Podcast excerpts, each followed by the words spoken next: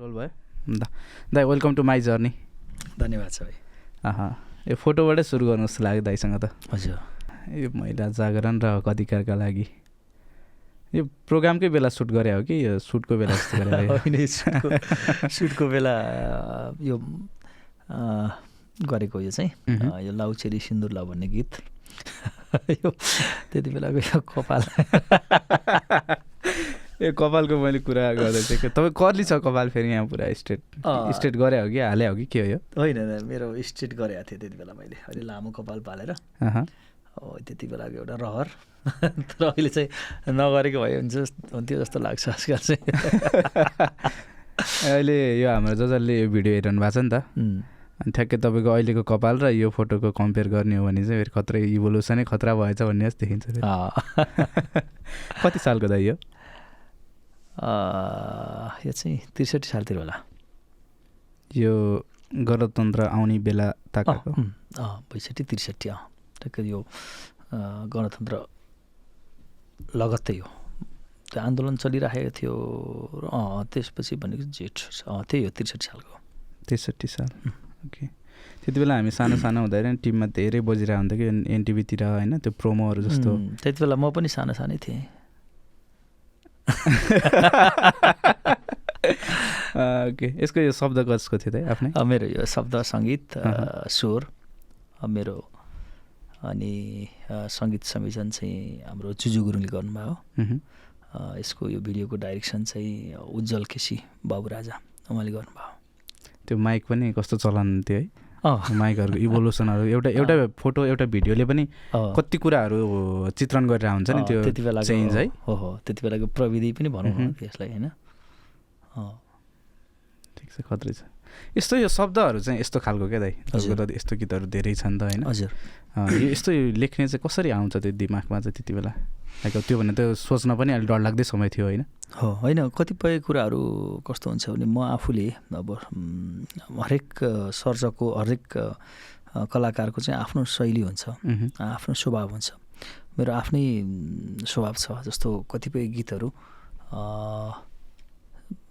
एउटा समय अनुकूल मह्म। होइन परिस्थिति बस केही कुराहरू आफूलाई परेर केही कुराहरू समाजमा देखेर केही कुराहरू भोगेर र केही कुराहरू काल्पनिक रूपमा मैले चाहिँ गीतहरू बनाउने गर्छु। जस्तो यो कस्तो थियो भने त्यति बेला माओवादी जनयुद्ध। सकिएको र नेपाल सरकार र माओवादी बिच शान्ति सम्झौता भएर ठ्याक्कै बैसठी त्रिसठी सालको जनआन्दोलन पनि सफल भएको बेला थियो। तर त्यो जन जनआन्दोलन त सफल भयो एउटा राजनीतिक रूपमा देशले एउटा नयाँ व्यवस्थाको सुरुवात गर्न पायो। तर व्यवहारिक रूपमा चाहिँ त्यहाँभित्रका धेरै पीडाहरू थिए। द्वन्द्वकालमा नेपाली सेना नेपाल प्रहरीका कति छोराछोरीहरू मरे। उनका चाहिँ श्रीमतीका सिन्दुरहरू पुछिए होइन? कति चेलीहरूका सिन्दुर पुछिए। उता माओवादीतर्फ पनि कति नेपाली छोराछोरीहरू मरे होइन? र उनका कति चाहिँ चेलीहरूको सिन्दुर पुछियो।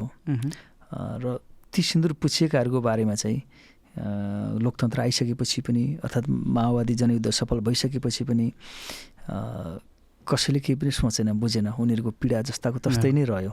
होइन अझै खास गरी हाम्रो नेपाली समाज जुन एउटा हामीले चाहिँ विभिन्न संस्कारहरू त हामी मान्छौँ तर। त्यो संस्कारहरूलाई चाहिँ कतिपय संस्कारहरू कुसंस्कार रूपमा पनि छ नि होइन र त्यो कुसंस्कारको कारणले गर्दाखेरि खास गरी जीवनसाथी गुमाएका हाम्रा चेलीबेटीहरूले।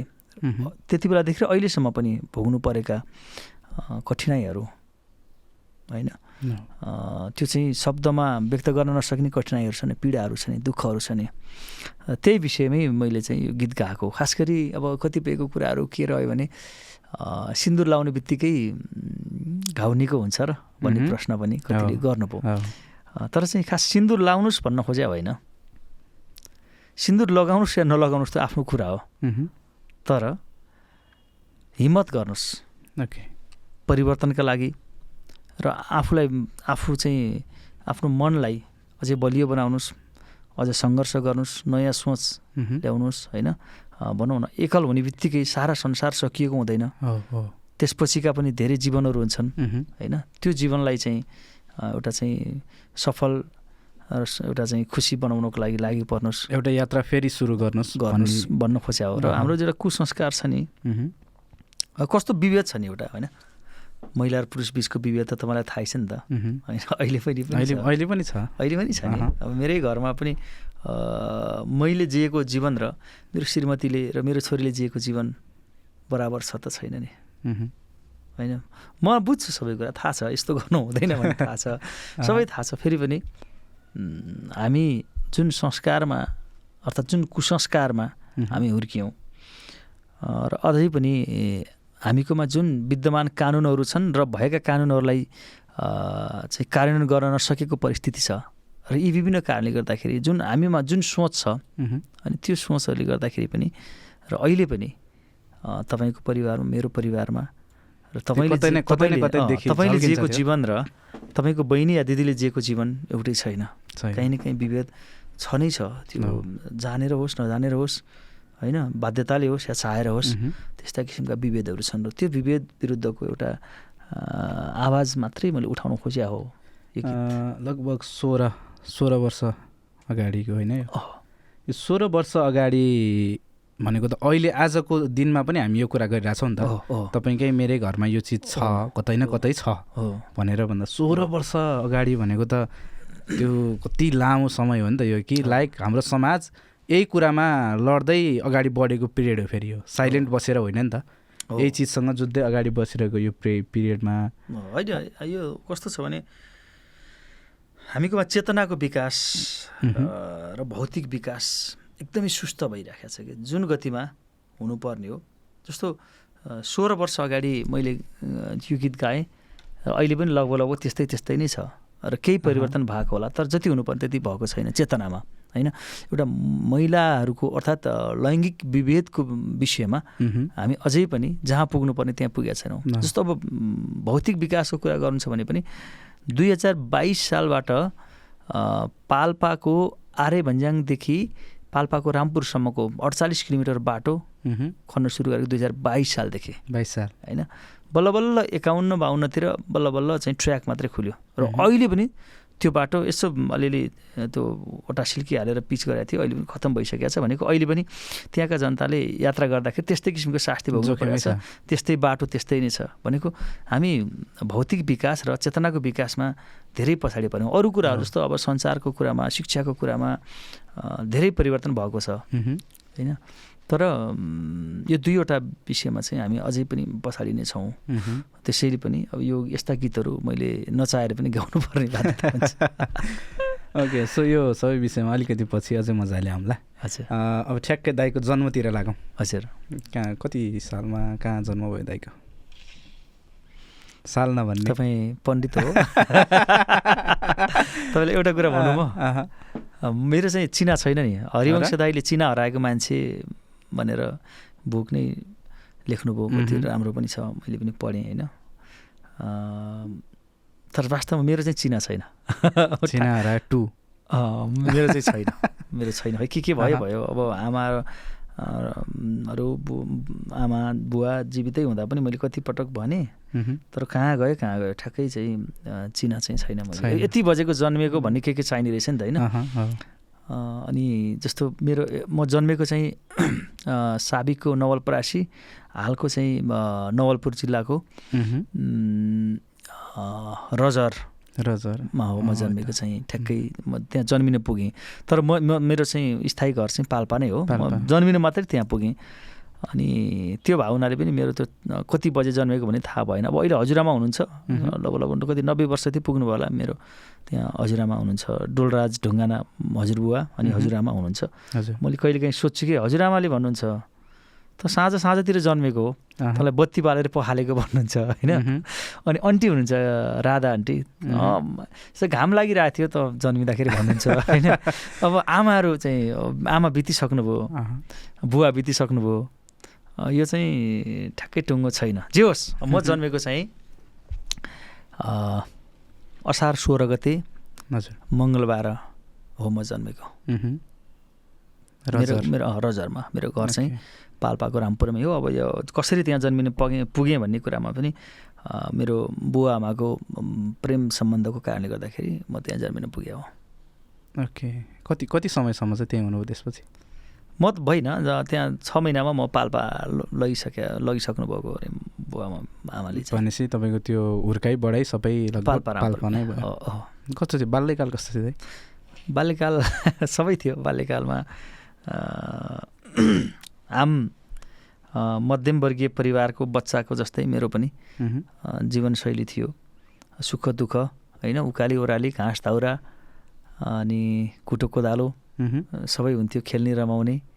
अनि अभाव पीडाहरू ती। सबै थिए एउटा चाहिँ मध्यमवर्गीय किसान परिवारको एउटा सदस्यको नाताले त्यति। बेलाको पाल्पाको रामपुर जति बेला त्यहाँ गाडी पनि थिएन। जान्थेन फोन हुन्थेन अरू त्यस्ता किसिमका चाहिँ प्रविधिहरू केही पनि थिएन होइन।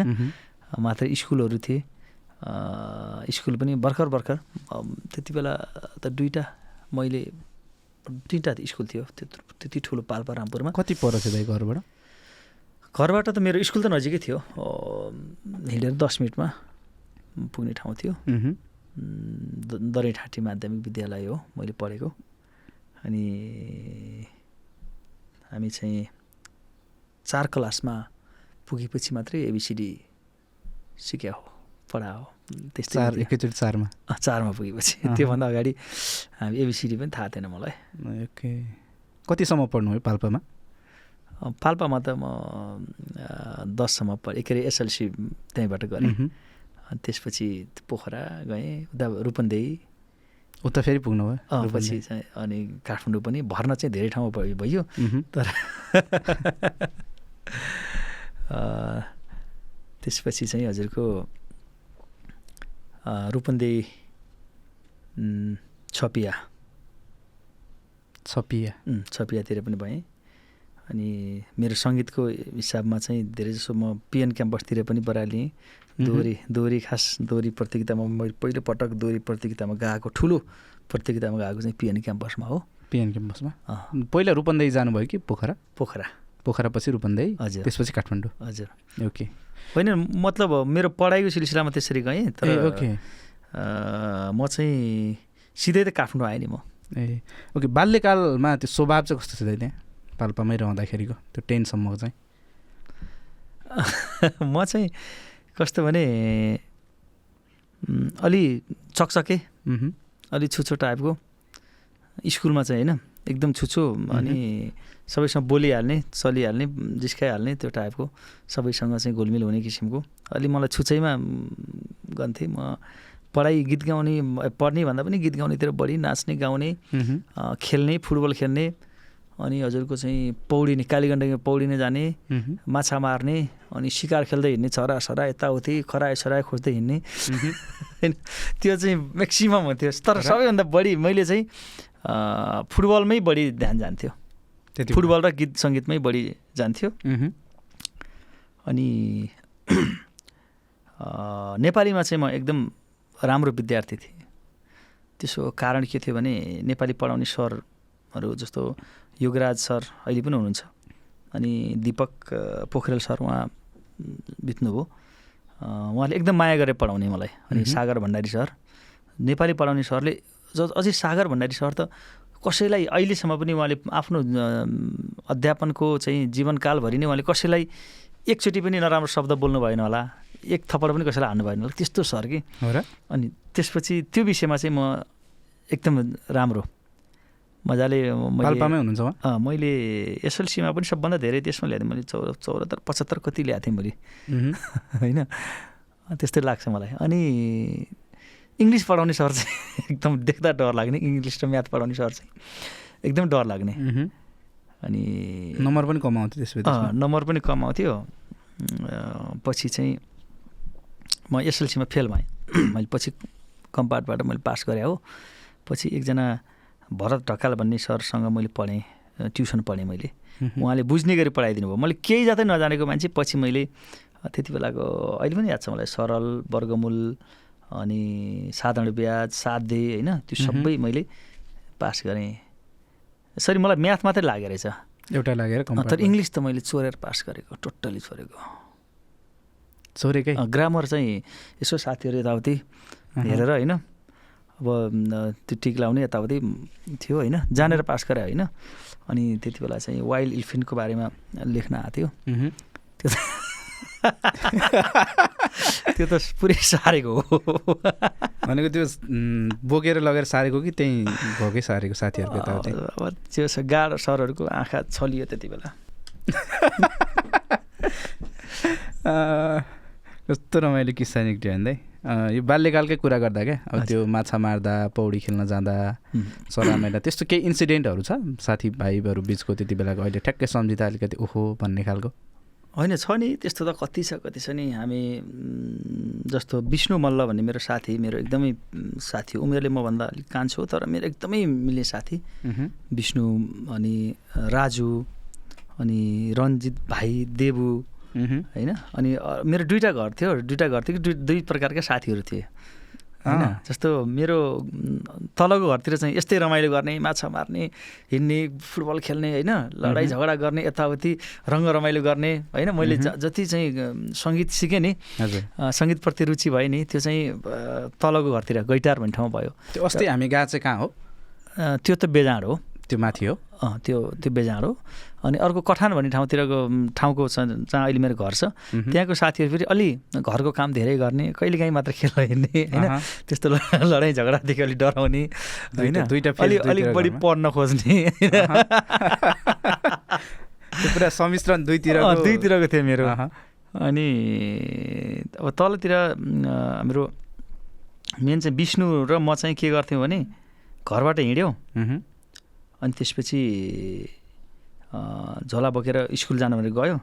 त्यसपछि चुवाडीको खेत भन्ने ठाउँमा पुगेपछि ठ्याट्ट फर्केर टर्न गरेर त्यो विष्णुको बारीमा एउटा पनियार भन्ने थियो। पनियार भन्ने थाहा छ? पनियार भन्ने? पनियार भन्छ हाम्रोतिर त यसलाई अन्त के भन्छ मलाई थाहा छैन। एकदम मिठो हुन्छ त्यो।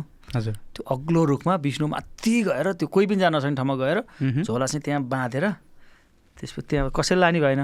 झोलै त्यहीँ झुन्डाइदिने? झोला माथि झुन्डाइदिने। अनि हामी त तुरुन्दी खोलातिर पूर्व स्कुल छ। पश्चिमतिर माछा मार्न जान्थ्यौँ कि? अनि अनि साँझ त माछा र झोला सँगसँगै घर। त्यो माछा घर लिएर जाँदाखेरि चाहिँ के हुन्थ्यो? गाली गर्नुहुन्थ्यो नि आमाले बुवाले गाली गर्नुहुन्थ्यो एकछिन गाली गर्नुहुन्थ्यो त्यसपछि गफ पढेको पनि हो अनि माछा हामीले अनि मारेको भागिस् त्यसो भने भाग्यो भन्न त परिहाल्यो फेरि। थाहा भइहाल्ने। अनि एकछिन पढेको भन्थे। अनि त्यस एकछिन त्यो आमा बुवा आमा त हो। एकछिन गाली गर्नुहुन्थ्यो पछि फेरि खुसी भइहाल्नुहुन्थ्यो ओके।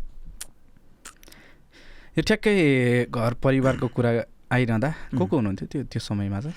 त्यति बेला भाइ बहिनी सानै थियो भाइ पनि सानै थियो।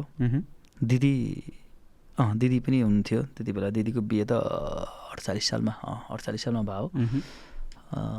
त्योभन्दा अगाडिकै कुराहरू। अडचालिसभन्दा अगाडिकै कुरा यो? अँ, अडचालिसभन्दा अगाडि। बहिनी बहिनी जन्मिनै रहेछ बहिनी। भाइ चाहिँ जन्मिसकेको छ भाइ। होइन? अँ मेरो भाइ हो। अस्ति त्यहाँ पाल्पाको घरमा क्या हजुर। तपाईँभन्दा त अलिकति ठुलो ज्यानो हुनुहुँदो रहेछ नि तपाईँको त। अँ सबैले दाई भन्छन् अब मेरो अनि बदी दाईको दाई बदी दाईको दाई भन्छन् सबैजना। दाई अब हामीले त फर्स्ट टाइम देखेको। होइन। दाई नै हुनु होला नि त भन्ने भयो। फेरि यहाँ आएर अस्ति तपाईँसँग दाई नै भेट भएको थियो भन्दा कहाँ दाई हो भनेपछि त फेरि फिजिकली फिजिकली उस्तै आउने रे? फिजिकली मभन्दा अँ, अब एउटै आमाको छोरा। आउनै परिहाल्यो नि। त्यही त। दिदीहरू चाहिँ उहाँहरू होइन। उहाँ दिदी दुर्गा दिदी। उहाँ चाहिँ तनहुको भिमादमा हुनुहुन्छ। हजुर। अनि बहिनी बहिनी चाहिँ अमेरिकामा छ भर्जिनियामा छ अहिले। बहिनी कति पाँच सात आठ वर्ष कति भइसक्यो। सो बुवा मम्मीको पनि कुरा आइहाल्यो।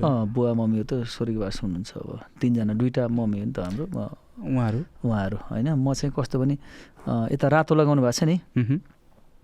उहाँ चाहिँ मेरो ठुलो आमा होइन। तर मैले चाहिँ मेरो उहाँलाई माथि आमा भन्थेँ। सधैँभरि माथि आमा नै भने यता मलाई जन्म दिने आमालाई तल आमा नै भने आमा तल्लो घरमा बस्ने भएर तल आमा। माथिको घरमा गएर बस्ने भएर माथि आमा अनि मैले त्यही भन्थेँ मेरो त आमा नै हुनुहुन्न एउटा माथि आमा एउटा तल आमा भन्थेँ मैले। खास मलाई जन्माउने आमा उहाँ अनि हुर्काउने आमा उहाँ हो म चाहिँ जसरी म अँ, मलाई लिएर गएपछि उहाँले नै मलाई ठुला आमालाई कै काखमा राख्दै गरेँ। त्यसपछि म त्यस्तै भएँ। म त मलाई जन्म दिने आमासँग अलिक कमै बस्थेँ म। हो र? हो नि एकदम म त साँझ परेपछि अलि आत्तिन्थेँ। दौडिहाल्थेँ माथि आमासँगै जान्थेँ म। सानैदेखि सानैदेखि। सानैदेखि नै उहाँसँग बसेँ म। त्यही भएर माथि आमासँग अलिक बढी बसेँ। म म आफूलाई जन्म दिने आमासँग। सँगै भएर पनि त्यस्तो भयो। अहिले दुवैजना मम्मीहरू हुनुहुन्न? दुई हुनुहुन्न। हजुरको मम्मी चाहिँ कति कति अगाडि? मेरो मम्मी त्यही दुई वर्षको फरकमा बित्नु भयो उहाँहरू आठ वर्ष दस वर्ष भयो। दस वर्ष भयो? बुवा त धेरै वर्ष दुई तिन तिन वर्ष। तिन वर्ष जति भयो। हजुर। कोभिड कोभिडको टाइम होइन, होइन, भन्दा अगाडि? कोभिड त्यति बेला कोभिड सुरु भइसकेको थियो क्यारे। दुई वर्ष तिन वर्ष अँ। त्यस्तो जस अलि मान्छे हलचल भइसकेको थियो। अँ। हलचलकै बेला हो। सो त्यो इकोनोमिक स्ट्याटस चाहिँ कस्तो थियो त्यति बेला आर्थिक अवस्था घरको ए, अब हाम्रो चाहिँ जग्गा जमिनहरू चाहिँ प्रशस्तै थियो त्यति बेला। र अहिले पनि ठिक ठिकै छ। अहिले थप्यो होला। थपिएन मेरो मेरो कस्तो नि अरू अरू आम्दानीको स्रोत थिएन कि। अब हामी काम गर्ने सक्थेनौँ सानसानै थियौँ। अनि त्यति बेला चाहिँ त्यो के मोहिनी हक लाग्ने। घुस ल्याएको थियो सरकारले अब त्योभन्दा अगाडि चाहिँ ठिकै थियो जस्तो हामीले खेतहरू सबै अ- अधिना दिन्थ्यौँ होइन। आधा हामीलाई हुन्थ्यो यताउति गरेर अब चल्थ्यो बुवाले पहिला पढाउनु पनि भरे। त्यसपछि बुवाले धेरै कामहरू गर्नुभयो तर बुवा केही कुरामा पनि सफल हुनु भएन मेरो बुवाले पढाउने काम पनि गर्नुभयो अदालतमा त्यो लेखनदास हुन्छ नि। त्यो पनि गर्नुभयो अनि आर्य भज्याङमा होटल पनि खोल्नुभयो अनि पाल्पारामपुरमा गएर तरकारी खेती पनि गरियो माछा पालन पनि गरियो अनि गएर त्यो घर छाउने त्यो माटोको के बनाउने हुन्छ नि त्यो पनि। बुवाले गर्नुभयो अर्को टायल पनि बनायौँ दालमोट फ्याक्ट्री पनि खोज्यौँ खोल्यौँ अनि। चक उद्योग पनि बुवाले चक भनेको हाम्रो त्यही गाउँको कमेरो माटो खोजेर होइन। त्यो चाहिँ एकछिन चल्यो म खुब बोकेर हिँड्थेँ म चक स्कुल स्कुलमा लिएर हिँड्थेँ कि म। होइन अनि त्यो पनि खोल्यौँ त्यसमा पनि ठिक ठिकै भयौँ। अलिकति सफल भएको भनेको तरकारी खेती चाहिँ हो। हामीले चाहिँ हाम्रो खेतमा पुरै व्यावसायिक रूपमा तरकारी लगायौँ। अनि तर त्यति बेला कस्तो भइसक्यो अहिले जस्तो थिएन कि पाल्पारामपुर। त्यस्तो चाहिँ व्यावसायिक थिएन। अहिले त कस्तो ठुलो तर- बजार अँ, कति अँ। दामी ठाउँ छ ठुलो छ नि होइन अहिले त है। त्यति बेला त कस्तो हुने भने अलिअलि मैले म स्कुल जाँदाखेरि लिएर जान्थेँ। अनि कालिया भन्ने ठाउँमा लगेर तरकारी छोड्थेँ अनि म पढ्न स्कुल जान्थेँ अनि फर्किँदाखेरि पैसा लिएर फर्किन्थेँ बिक्यो भने बिकेन भने तरकारी लिएर फर्किन्थेँ। त्यसरी पनि मैले मेरो आफ्नो चाहिँ गुजारा चलाउँथेँ मैले त्यो चाहिँ अलिअलि सफ सक्सेस भएको भनेको बुवाले गरेको काममा। त्यो एउटा तरकारी खेती गरियो त्यो चाहिँ ठिक ठिकै भयो अर्को चाहिँ चक उद्योग हामीले खोल्यौँ त्यो पुरै हाम्रै स्थानीय से- साधन स्रोतबाट गरे कि हजुरको त्यो चक बनाउने डाईहरू पनि हामीले। त्यही बनाएको होइन? कमेरो माटो। माटो पनि त्यहीँको। माटो पनि त्यहीँको। अनि त्यो चक राख्ने उस समेत त्यो बाँसको सुप्ला भन्छ त्यसलाई। होइन? चक राख्ने बक्स। बक्स समेत। बाँसको सुप्लाबाट टक्क बनाएर अनि मैले स्कुल स्कुलमा मैले पुर्याउँथेँ अब कतिपय स्कुलको सरहरूले अर्थात् स्कुलको विद्या विद्यालय व्यवस्थापनले चाहिँ यो स्थानीय उत्पादनलाई चाहिँ प्रोत्साहन। गर्नुपर्छ भनेर एकछिन चलाउनु पनि भयो सहयोग पनि गर्नुभयो तर कस्तो भइदियो भने त्यो जति गरे पनि त्यो कमेरोको चाहिँ बिचमा। ढुङ्गाहरू अलिअलि आउने कि किरकिर आउने त्यो लेख्दा चाहिँ ब्ल्याकबोर्ड नै बिग्रने समस्या आइदियो। अनि पछि त्यसपछि त्यो पनि सक्सेस भएन भनेको भनेको भनेको चक चकसम्म चाहिँ त्यहीँ उत्पादन गर्ने भनेपछि त्यो लाइक सोच चाहिँ एकदमै? मेरो मेरो बुवा अँ, ले चाहिँ त्यही कुराहरू ममा अलिकति सर्छ कि। त्यो बुवामा चाहिँ स्थानीय र आफ्नो स्वदेशी उत्पादनलाई स्थानीय उत्पादनलाई चाहिँ प्रोत्साहन गरिदिनुपर्छ केही त्यही गाउँमै गर्नुपर्छ भन्ने नै थियो। बुवा त मलाई यतिसम्म कि काफ्नुसम्म पनि न नगइदिए हुन्थ्यो भन्ने सोच यहीँ केही गरे हुन्थ्यो भन्ने त्यस्तो सोच चाहिँ बुवाले राख्नु थियो अनि ती विभिन्न कामहरू गर्दाखेरि कस्तो भइदियो भने अब घाटै घाटा घाटै घाटा हुँदा बुवाले लगभग धेरै जग्गा चाहिँ बेच्नु भयो है हाम्रो बुवाले। मैले जानेर पनि पाल्पाको रामपुरमा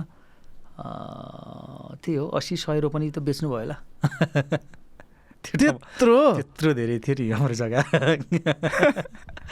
अनि अझै त्योभन्दा अगाडि त कति कति मेरो हजुरआमा हुन्छ अहिले। अनि त हजुरआमाले भन्नुहुन्थ्यो यति धेरै धेरै थियो अरे कि हाम्रो सधैँभरि हाम्रै जग्गामा मात्रै पँधेरोदेखि लिएर सबै हाम्रै जग्गामा बाहेक अन्त अरूकोमा टेक्दिनँ भन्दा पनि पुग्थ्यो अरे कि।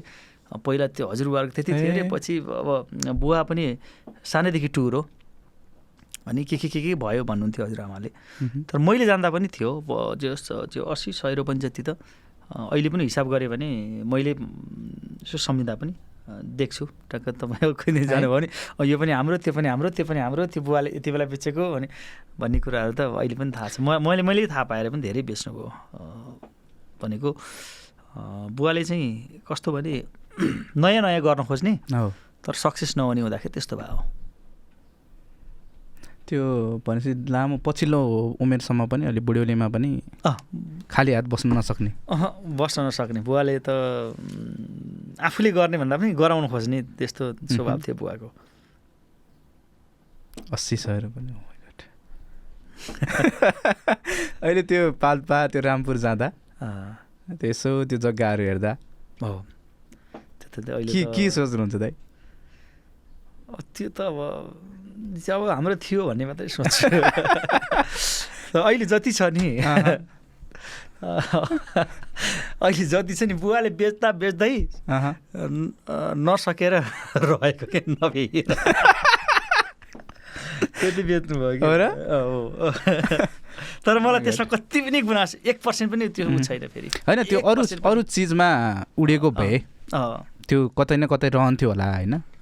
लाइक। अब त्यो त काम गर्दै जाँदा त्यो।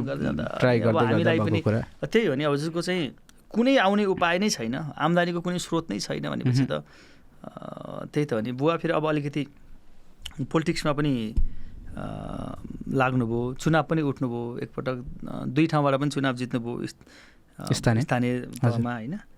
अनि पहिला यो भनेको छ्यालिस सालभन्दा अगाडि हजुर। होइन? अब त्यस्तै त्यस्तैमा बुवाको चाहिँ सकियो भन्नुपर्छ। ठिकै हो। त्यो कता कता गुण चाहिँ तपाईँमा राम्रै सर्या रहेछ मैले यसो सोच्दाखेरि।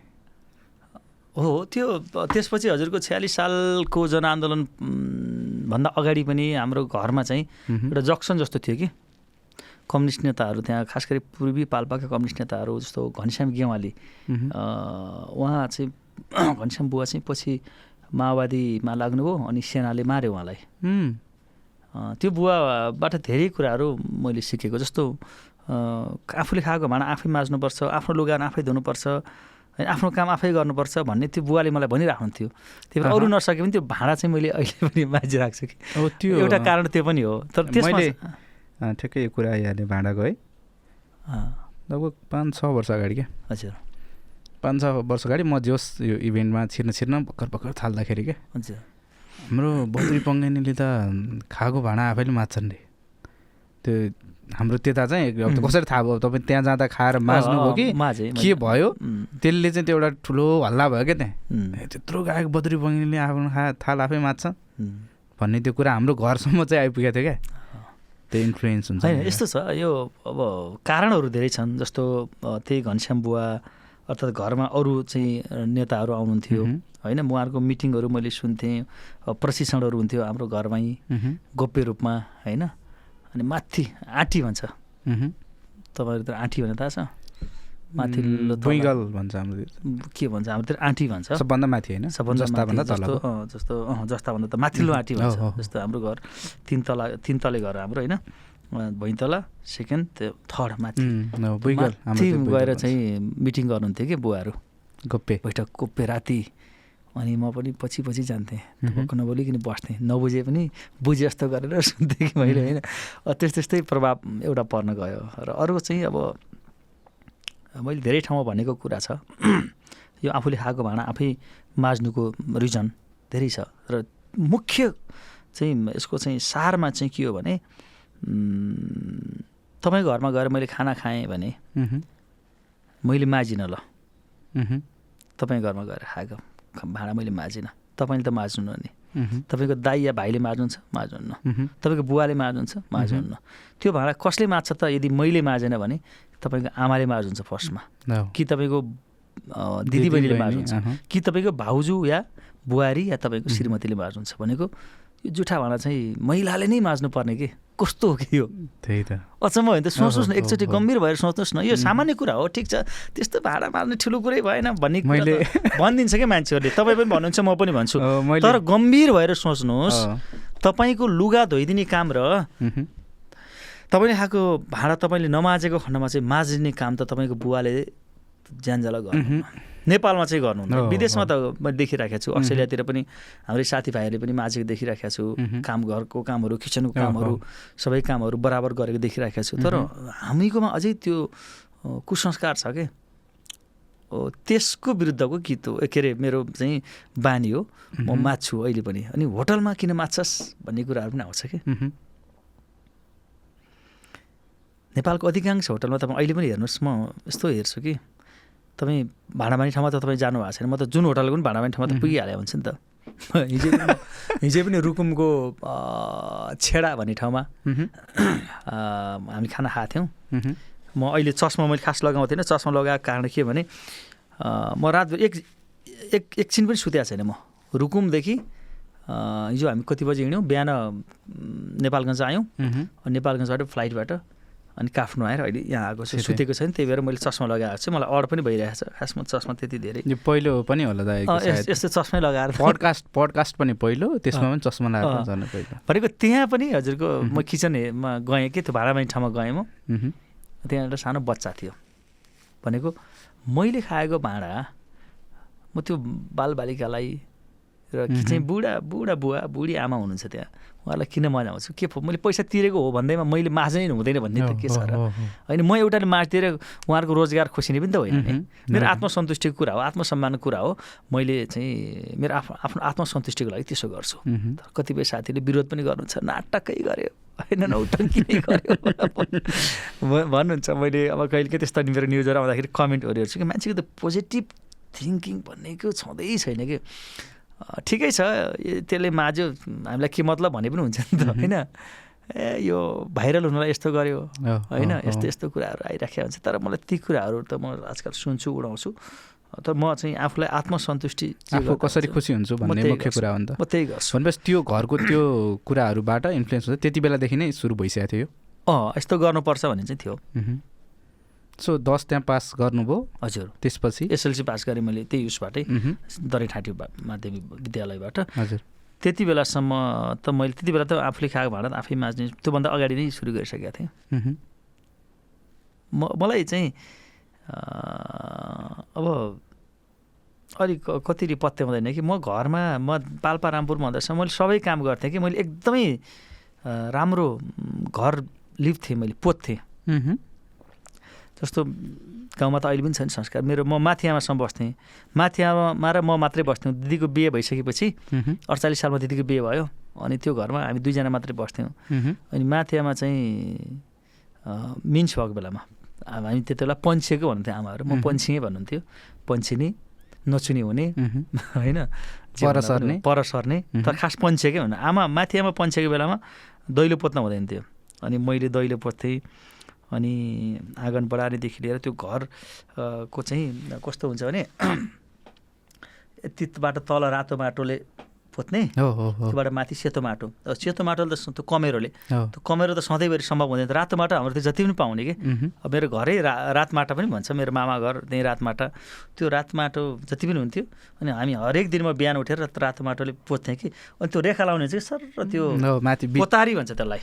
पोतारीले सर सिधा बनाउँथ्यो क्या। अनि आमाले मेरो माथि आमाले मेरो प्रशंसा गर्नुहुन्थ्यो यसले त मेरो छोरोले त बुहारीले भन्दा राम्रो काम राम्रो गर्छ। होइन यसले कस्तो श्रीमती पावला भन्नुहुन्थ्यो कि? एउटा छोरीले भन्दा राम्रो काम गर्छ भन्नुहुन्थ्यो। त्यो सिधा बनाउँथे त्यो पोतारीले। त्यो रातो माटोले मैले त्यसरी लिप्थेँ। अनि भुइँमा पनि गर्थेँ। भुइँको मैले अहिले बिर्सेँ। सायद यो भित्तोमा पोत्ने र भुइँमा पोत्नेको नाम चाहिँ छुट्टै छुट्टै हुन्छ होला सायद। हो। मलाई त्यस्तो त्यो भित्तामा चाहिँ रातो हुन्छ। भुइँमा चाहिँ पुरै रातो हुँदैन नि? अलि। अलि फिक्कै खालको भनेको त्यो कामहरू पनि म गर्थेँ अनि लुगाहरू धुने आमाको लुगाहरू पनि मैले धुन्थेँ माथि आमाको लुगाहरू मैले धुन्थेँ अनि ती सबै कामहरू मैले गर्थेँ। म त्यस्तो पनि थिएँ फेरि। तर तर फेरि तर चाहिँ कस्तो थिएँ भने बाहिर निक्लेपछि बाहिर निस्केपछि अलिक छुछु। होइन खालि खेल खेल्नै बढी खोज्ने। अनि केटाहरूको चाहिँ सङ्गतमा लागेर लडाइँ झगडा गर्ने कसैलाई कुट्ने काम पनि धेरै गरियो सानैदेखि होइन। त्यो अर्को गाउँको केटाहरूसँग लड्न भनेर जाने। अनि होली खेल्ने बेलामा चाहिँ हामी होली खेल्थ्यौँ कि? होली हामी फाउ भन्थ्यौँ। फाउ खेल्थ्यौँ हामी पाँच दिन खेल्थ्यौँ। पाँच दिन? पाँच दिन। एकादशीदेखि पूर्णिमासम्म। पाँच दिन हामी खेल्थ्यौँ। अनि फाउ जुदाउने भन्ने हानाहान गर्ने होइन अर्काको चाहिँ खैजडी मादल फुटाइदिने। त्यस्ता नचाहिने कामहरू पनि हामी गर्थ्यौँ।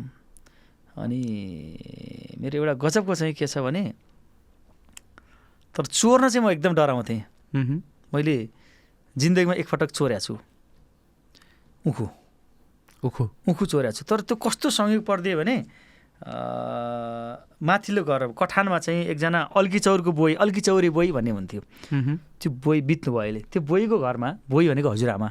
त्यो हामी चाहिँ बोई भन्छौँ। बोई भनेको चाहिँ मगर भाषामा हजुरआमा हो। त्यहाँको हाम्रो पाल्पामा कस्तो छ भने ब्राह्मण समुदायमा पनि चाहिँ त्यो मगर समुदायको प्रभाव परेको छ कि।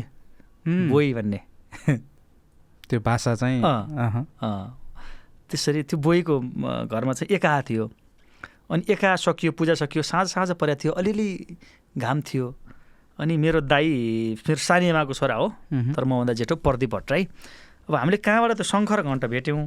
अनि वैकुण्ठ श्रीराम अनि दामोदर र ऋषिराम होइन? अनि म पाँचजना अनि त्यो दाई छजना हामी त्यहाँ थियौँ। त्यो घन्टा दाईले घन्टा बजाउँदै के भन्नुभयो भने अनि त्यहाँ ऋषि ऋषिराम रेग्मी भने ऋषिराम रेग्मी दाई मेरो आदरणीय दाई अहिले पनि उहाँको उखु नै छ कि त्यहाँ? यता बारीभरि उखु उखु हुन्थ्यो कि उहाँको। खुदो। सबै किन्ने त्यही नै हो। अनि त्यति बेला पनि थियो। कहाँबाट त्यो प्रदीप दाईले ए जाऊ हनुमान रिखदाईको उखु छोरी ल्याऊ। त्यो बजाइदिनु भयो क्या अनि अब हामीलाई हनुमान लाग्नु पर्यो।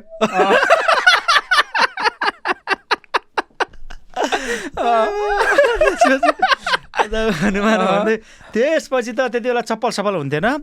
त्यो बारीको यत्र यत्र ढल्ला हुन्थ्यो क्या त्यो हजुरको भर्खर तोरी छिनेर। यत्र यत्र ढल्ला त्यहाँको त्यो हाम्रो त्यो सिँचाइ थिएन त्यति बेला। अहिले पनि छैन त्यो ठाउँमा त्यो नहर अलिक तलबाट गएको छ। आकाशे उसमा भरमा हो। अनि त्यो बारी बारी दौडिँदै दौडिँदै गइयो रिखिदाईकोमा हल्लिँदै गयो नि त हामी त हनुमान हो नि त। हनुमान चढेको छ होइन। हनुमान चढेछ। हामीलाई त केही कुराले छुने कुरै भएन। पाँचजना हनुमान हामी गइयो।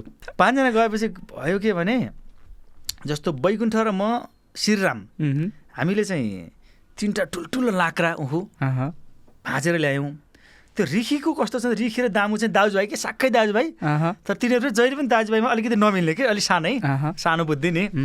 अनि सानै गएछ र के भएछ भने दाइले पनि एउटै उखु समाएछ। भाइले पनि एउटै उसले भन्छ मैले पहिला समाएको।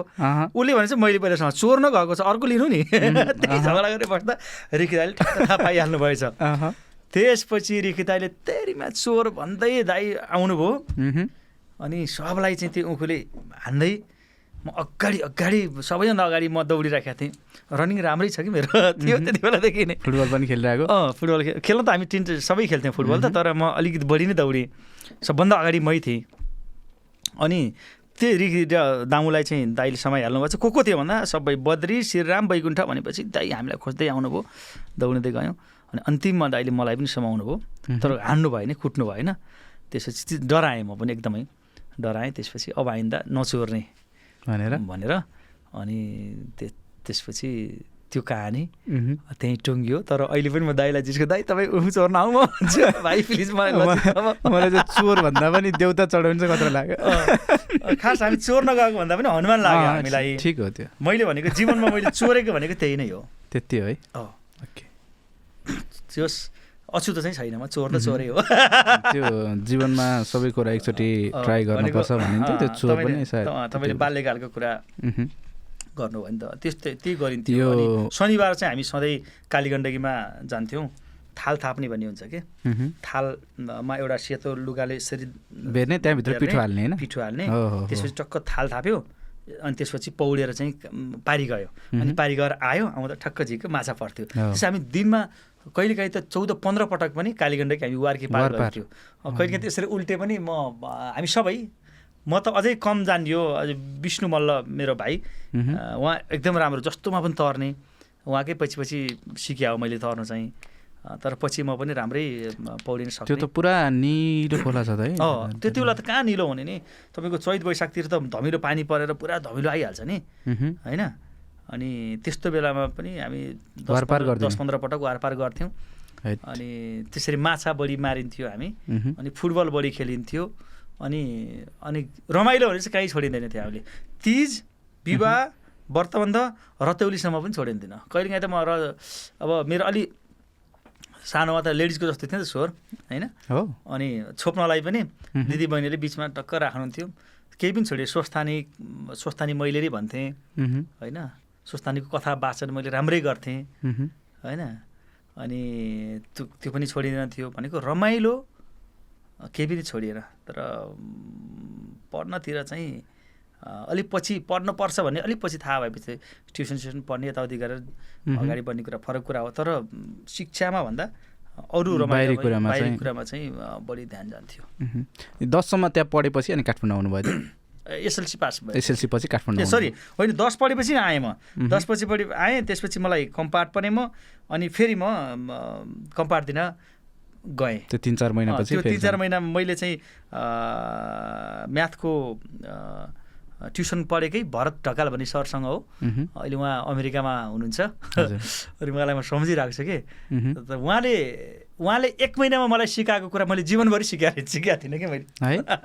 त्यस्तो खतरासँग अ, भनेको पढाउने तरिकाले पनि त्यत्रो हो फरक त्यो पर्छ। नि। पर्दैछ नि त जस्तो म साइन्समा पनि म कमजोरै थिएँ म। तर बिचमा चाहिँ मैले त्यही पाल्पारामपुरमा अर्जुन देवकोटा भन्ने सरसँग। अहिले उहाँ गङ्गालाल माविको प्रभाव हुनुहुन्छ। उहाँसँग पढ्ने मौका पाएँ कि मैले। अनि उहाँले पढाएपछि बल्ल मैले बुझेँ कि। अझै मलाई चाहिँ साइन्सको चाहिँ त्यो यो जीव विज्ञान मन पर्थ्यो कि। जस्तो चार्ल्स ट्राभिनको जीव विज्ञान सम्बन्धी। सिद्धान्त होइन। म त गीतै गाएर पढ्थेँ कि। के अरे एम्फिबिया भ्यागुतो पिसेजमा माछा रेप्टिलिया सर्प र एक्समा भङ्गेरा म्यामेलिया रेलीमै यसैको वर्ग हो। अर्को एउटा के छुट्यो। एक्स एम्फिबिया अ, एम्फिबियन एमपिपी अन्त भ्यागु त भइहाल्यो नि त। होइन? अब घसेर नि गर्ने अनि एक्स भनेको चाहिँ हजुरको उड्ने भइहाल्यो होइन। त्यसरी कुन जीव कुन वर्गमा पर्छ भन्ने गीतै बनाएर पनि मैले पढ्थेँ। त त्यसरी पढाउँदा चाहिँ मैले बुझ्थेँ र साइन्स पनि। मलाई सजिलै लाग्थ्यो।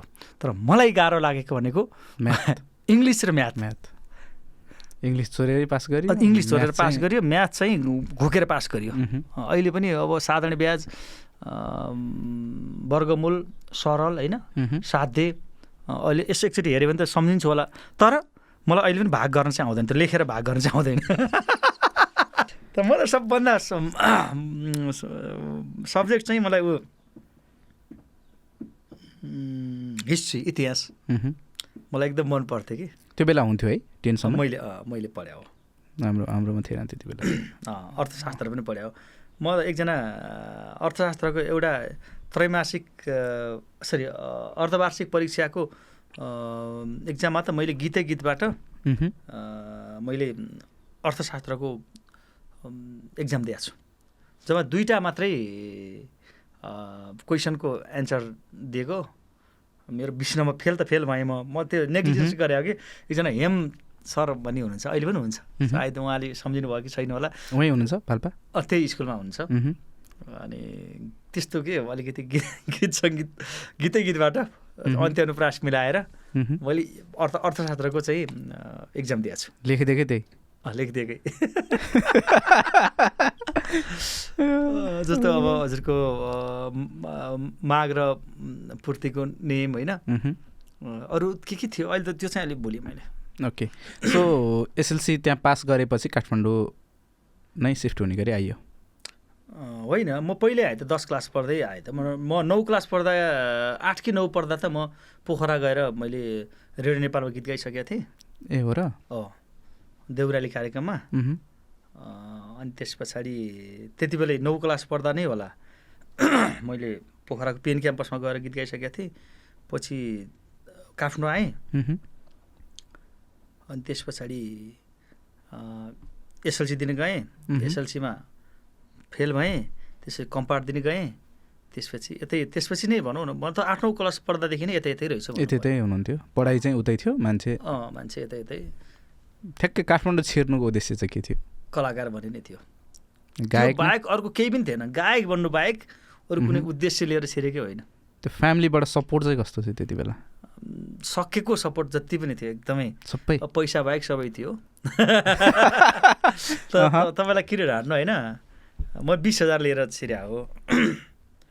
अनि त्यो बिस हजार पनि तपाईँ मेरो घरमा जानुभयो नि अस्ति है। जानुभयो?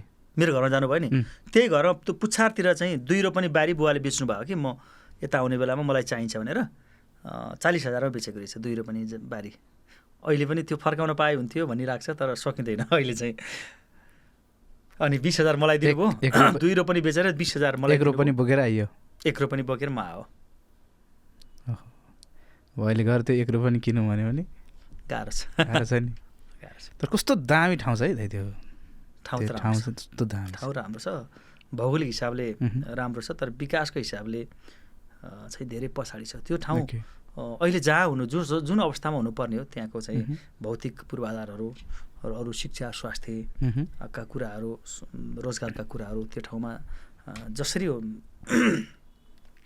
व्यवस्थित हुनुपर्ने हो। हुनुपर्ने भन्दा भएको छैन। फोर्टी पर्सेन्ट पनि छैन।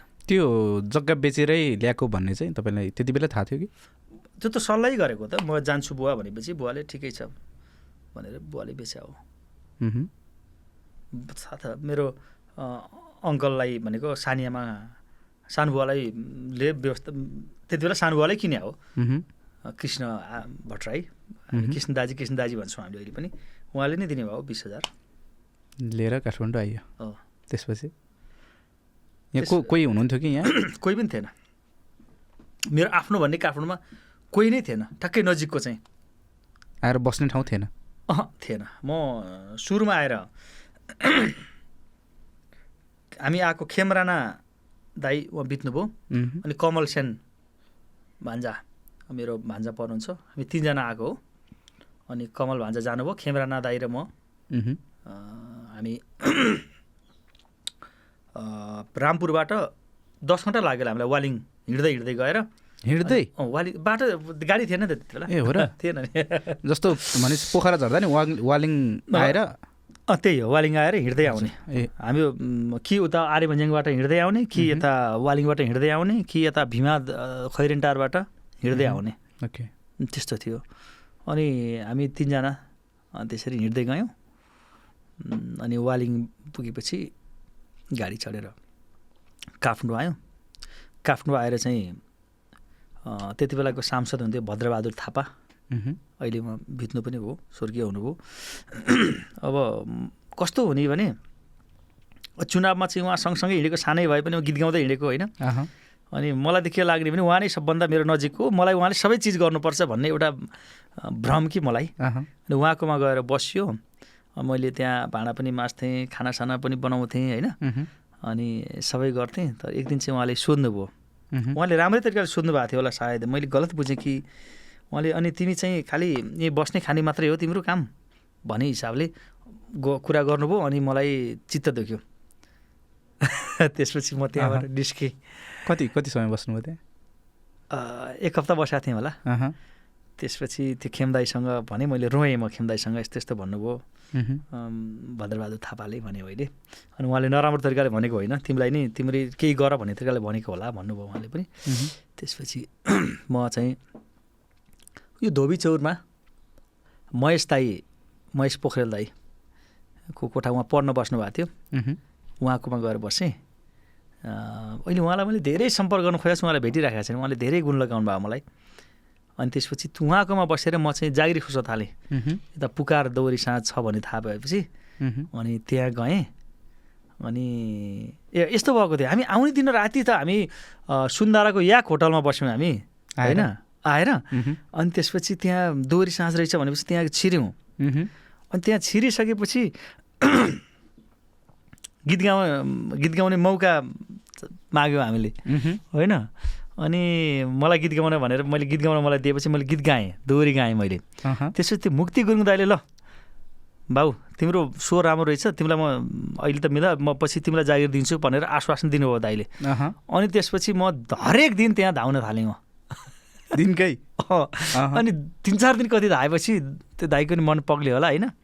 ल ठिक छ तिम्रो अब तिम्रो जागिर ल यहीँ तिम्रो जागिर भयो भन्नुभयो। तलब चाहिँ बाह्र सय थियो। अनि त्यो दिन जस्तो खुसी त कहिले भएको थियो होला र। बाह्र सय तलब। अनि खाना बस्न त्यहीँ पाउने। बस्नु पनि? बस्ने त्यो उता फ्ल्याट थियो भोटेपालमा मह्म, त्यहाँ सबैलाई लिइदिनु भएको थियो। अनि त्यसपछि त्यसपछि चाहिँ भोटेपाल बस्न थालेँ। तर त्योभन्दा अगाडिको बसाइ चाहिँ यहाँ घट्टेकुलो मान्यज्यूकोमा बसेँ। त्यहाँ अलिकति मान्यज्यूसँग अलिक त्यस्तै भएपछि उता गएर बसेँ। उतातिर गएर बस्दाखेरि एउटा गजबको कहानी छ नि मेरो। सुनौ न सुनौ अब कस्तो छ भने दाइ पढ्न जाने। अनि म त्यस्तै त्यस्तै काम खोज्दै कता कता डुलिराख्ने। अनि एक दिन चाहिँ मलाई ज्वरो आयो कि। हजुर। एकदमै गाह्रो भयो। त्यसो औषधि ज्वरो आयो भनेर औषधि लिएर मेडिकलबाट औषधि लिएर गएँ रुममै गएर खान्छु भनेर गएको। अनि दाइ त हुनु रहेनछ। चाबी लगाएको एकदम गाह्रो भएको छ। औषधि खाए कति बेला औषधि खाँदा औषधि खाँदा पानी चाहियो। त्यसपछि यस्तो माथिपट्टि घरबेटीको लाई बोलाउनु पऱ्यो भनेर यस्तो एक सिँढी माथा मा बा- बाटो उठेर यसरी हेरेको थिएँ मैले। कोही पनि देखिनँ। कोही नदेखेपछि त म फर्किनु पऱ्यो होइन? अनि तल झरेँ। पछि त अनि त्यो घरबेटीले त त्यो महेश दाईलाई कुरा लगाइदिनु भएछ। त्यो केटा अलि चोर जस्तो। लाग्यो मलाई यहाँ माथि माथि यसरी हेर्दै थियो। भनिदिनु भएछ। अनि मलाई के किन त्यसो गर्नुभयो भने आजकल सम्झियो कि त्यहाँ घरबेटीको छोरी पनि हुन्थ्यो कि? त्यस त्यहाँसम्म सोच्नु भयो होला तर म खास पानी माग्नलाई हेरेको थिएँ मैले माथि। अनि दाइले मलाई तिमीले यस्तो गरेछौ नि त तिमीले त अब यहाँ नबस्नु भनेको छ भन्नुभयो। त्यो दिन पनि साह्रै साह्रै पिर पऱ्यो त्यति बेला पनि। अनि पछि दाइ यस्तो यस्तो भयो भने मलाई ज्वरो आएर औषधि खानलाई मैले पानी माग्न खोजेको थिएँ। भने अनि कहाँ यस्तो बुझ्छ त यहाँको मान्छेहरूले? अब कहिले पनि जाऊ माथि? भन्नुभयो। त्यसपछि। मैले घरबेटीको त्यो माथि कहिले पनि गइनँ त्यसपछि। जीवनभर घरबेटीकोमै हेरिएन अँ, त्यहाँ त्यो त्यो। घरमा चाहिँ गइएन। ए त्यहाँ चाहिँ। पछि यता भोटेवाल बसेपछि त गुरुङ हुनुहुन्थ्यो एकजना। त्यहाँ त माथि लुगा सुगा सुकाउन जाने यताउति। भयो। तर सुरुमा त त्यहाँ पनि म त्यो त्यो चोटले गर्दाखेरि त्यो पाठले गर्दा भोटेवाल घरबेटीमा पनि म धेरै समय माथि त गइनँ। पछि सोधेर मात्रै अनि सबैले माथि लुगा सुकाउने यताउति भनेपछि त्यहाँ चाहिँ गएँ। यो एउटा आज सिसो बोल्दै रमाइलो गर्दाखेरि कहानी। रमाइलो भन्ने कि एउटा दुःखद भन्ने झन्डै झन्डै आरोप लागेको थिएन एक दुई सिडी अर्को उक्ल्या भए त गाह्रो सो पहिलो जागिर चाहिँ त्यही भयो होइन बाह्र सयको ओ बाह्र सयको भयो। कति समय गर्नुभयो त्यहाँ? म आठ नौ वर्ष गरेँ। त्यत्रो लामो समय? बाह्र सयबाट त्यही हो बाह्र तेह्र हजारै भएको थियो होला मेरो। महिनाको? छोड्दासम्म। जागिर त्यहाँ छोड्दासम्म। त्यति भएको थियो होला। सबैले छोड्दा पनि मैले छोडिनँ नि। है? ओ म म मैले त्यहाँ बाह्र तेह्र हजार पाउँदाखेरि अन्तत उम्, अरू साथीहरूले पच्चिस तिस हजार पाउने भइसकेको थियो। मलाई पनि भन्थ्यो तर बिस हजार पच्चिस हजार दिन्छु। आइज भन्थ्यो। तर मैले कहिले पनि गइनँ म। त्यही। अन्तिमसम्म बसिरहेँ। जब त्यो बन्द भयो नि त्यसपछि बल्ल म अरू ठाउँमा गएँ कि। किनभने मैले मलाई सबैभन्दा दुःखको बेलामा मलाई साथ दिएको ठाउँ हो नि त त्यो त्यस्तो माया लाग्ने कि म मलाई चाहिँ। मेरो त्यस्तो बानी छ नि जस्तो मेरो कतिपय पुरानो लुगाहरू छ कि मैले मेरो घरमा। अनि मेरो मिसेसले चाहिँ फाल्नु फालिदिनु यस्तो राम्रो राख्नुहुन्न भन्छ कि। तर मलाई एकदम माया लाग्छ त्यो मलाई दुःखमा चाहिँ उस गरेको कुरा जस्तो मेरो पुरानो पुरानो फुटबल सुजहरू छ कि। अनि फालिदिनु यस्तो जुत्ता थो थोत्रो राख्नु हुँदैन भन्छ कि। तर यस्तो हेर्छु हो यो जुत्ताले त मैले फलानु ठाउँमा यसरी गोल हानेको त्यहाँ यसरी गोल हानेको सम्झिन्छु कि म। अनि त्यो राखिरहेको छु मैले त्यो एकदम माया लाग्छ त्यो। इमोसनहरू जोडिएको म म म त्यस्तै नै हो म चाहिँ कसैसँग जोडिएँ भने नछुट्टिने गरी जोडिन्छु मह्म। नछुट्टिने गरी तर छुटिएँ भने फेरि जोडिँदै जोडिँदैन गाह्रो छ मेरो जोडिनु। स्व मेरो स्वभावै त्यस्तै छ कि एकदम म म चाहिँ अतीतलाई अतीतलाई चाहिँ म एकदमै पल पल सम्झिन्छु। र अतीतलाई एकदम महत्त्व दिन्छु। अहिले पनि मेरा कति मलाई अलि दुःखमा साथ दिने कयौँ साथीहरू छन् होइन? कयौँ आफ्नो मान्छेहरू हुन्छ कति माया गर्नुहुन्छ। तर मेरो मन भनेको त्यही मेरो मेरो दुःखका ती साथीहरू होइन? जस्तो गाउँको साथीहरू हाम्रो मेरो सुन्दर रेग्मी अहिले कनाडा छ कमल रेग्मी अनि अब बाउ भन्थ्यो टेकबहादुर अहिले उहाँलाई उहाँको प्यारालाइसिस भएको छ। मैले कहिलेकाहीँ यसो सकेको सहयोग गरि गरिराखेको हुन्छु। अनि देबु म, राजु अनि रन्जित होइन? मि विष्णु मल्ल खास एकदमै नजिक। साथीहरूसँगै उनीहरूकै बढी याद आउँछ। म कुराकानी पनि उनीहरूसँगै बढी गरिराखेको छु भनेको म चाहिँ पहिलाका अतीतलाई चाहिँ अलिक बढी नै महत्त्व दिन्छु। यो आठ नौ वर्ष त्यही एउटै दोहोरीमा काम गरिरहँदा त्यो बिचमा यता म्युजिक क्षेत्रमा चाहिँ गीतहरू मैले त्यहीँ बस्दा बस्दै तानसिन खस्यौली भन्ने गीत मैले रेकर्ड गराएँ। फर्स्ट यो। अनि त्यसपछि पिएन क्याम्पस त्यसपछि फोटो फिर्ता ल्याऊ। ब्युटी नम्बर वान ससुरालीमा पालै पालो। त्यति बेला त अहिले जस्तो यसरी मैले महिना महिनामा गीत त निकाल्थेन है। त्यो अनुकूल पनि थिएन त्यति बेला। त्यो बेला के थियो दाइ जस्तो आफैले निकाल्नलाई सबै जुटाएर कुरिरहन पर्ने थियो कि? जस्तो हजुरको गीत रेकर्ड गर्नै गाह्रो थियो पहिलो कुरा स्टुडियोहरू सीमित स्टुडियो थियो। धेरै त लाग्थेन दस बाह्र हजार। बाह्र हजार लाग्यो होला मेरो पहिलो एल्बम। अडियो? अडियो। अनि ससुरालीको चाहिँ बाइस हजार लागेको थियो। अनि त्यो चाहिँ पछि बाइस हजार धौलागिरी क्यासेट सेन्टरले तिर्थ्यो सबै स्टुडियो यताउति। अनि पछि रोयल्टीबाट बाइस हजार कटाउँथ्यो। ए। अरू मैले पाउँथेँ। त्यस्तो सिस्टम नै थियो त्यो त्यस्तो सिस्टम थियो। अनि गीत बजारमा लान गाह्रो थियो कि सीमित धौलागिरी। म्युजिक नेपाल रिमा झरना यस्तै दुई चारवटा कम्पनीहरू थियो। त्यो कम्पनीले चाहिँ बजारमा पठाउन चाहिँ महिनौ पनि कुर्न पर्थ्यो। मलाई चाहिँ त्यस्तो थिएन। मलाई धौलागिरी क्यासेट सेन्टरले एकदम ठुलो गुण लगाएको कि। मसँग कति पनि पैसा थिएन नि त लगानी गरिदिन्थेँ त्यही त। होइन? सुरुमै सुरुमा गएर त्यो सानो एउटा उस थियो त्यहाँ गएर मैले गीत सुनाएँ न्यु रोडमा। अनि त्यो काजी दाई इन्द्र दाईहरूले चाहिँ ल तिम्रो स्वर एकदम राम्रो छ ल पिर नगर। गीत तिम्रो गीत चाहिँ रेकर्ड गर्ने। भनेपछि त्यो आरसिसी भन्ने स्टुडियो थियो। यो उसमा। के भन्छ त्यो ठाउँलाई? त्यो ठाउँको नाम बिर्सिम क्षेत्रपाटी। क्षेत्रपाटी। त्यहाँ गएर गरे हो। अनि त्यो मन्दिरसँगै थियो कि। स्टुडियो। अनि त्यहाँ प्रकाश साइमी सरी के एकजना के दाई हुन्थ्यो एरेन्जर कस्तो बिर्सेँ मैले बुद्ध सरी उहाँले एरेन्ज गराएको थियो मेरो पहिलो गीत चाहिँ। अनि अहिले जस्तो चाहिँ रोकी रोकी गाउन पाउँदैन कि कन्टिन्यू गाउनु पर्थ्यो। सिधै? सँगै बसेर दुइटा माइक हुन्थ्यो। अनि बिचमा बिग्रियो भने फेरि सुरुबाटै गाउनु हो र? अहँ। त्यस्तो गाह्रो थियो। त्यो गीत रेकर्ड गर्न एकदम गाह्रो हुन्थ्यो। यो फर्स्ट नोटिस भएको गीत चाहिँ दाइको ससुरालीमा? पिएन क्याम्पस भन्ने गीत। PN campus. आफै लेख्नु भएको थियो? मह्म, यो कतिौँ गीत थियो? दोस्रो। दोस्रो। अनि यो। ससुरालीमा? ससुरालीमा त दोस्रो तेस्रो चौथो। यो होइन। हो चौथो एल्बम मेरो यो। कति सालको दाइ यो साल त ठ्याक्कै बिर्सेँ भाइ। मैले म आफू जन्मेको साल त बिर्सेँ नि मान्छे गीत गीतको त? यो- सन्ताउन्न हो कि? मैले रेकर्ड गरेको। छप्पन्नमा रेकर्ड गरेँ जस्तो लाग्छ मलाई। छप्पन्न सन्ताउन्नमा रेकर्ड गरेँ गरे हो यो गीत। यो अहिले यो पुरानो पुरानो गीतहरू क्या दाइ? हजुर। यो मैले पनि युट्युबमा खोजेँ। मैले नसुनेको धेरै भएको थियो।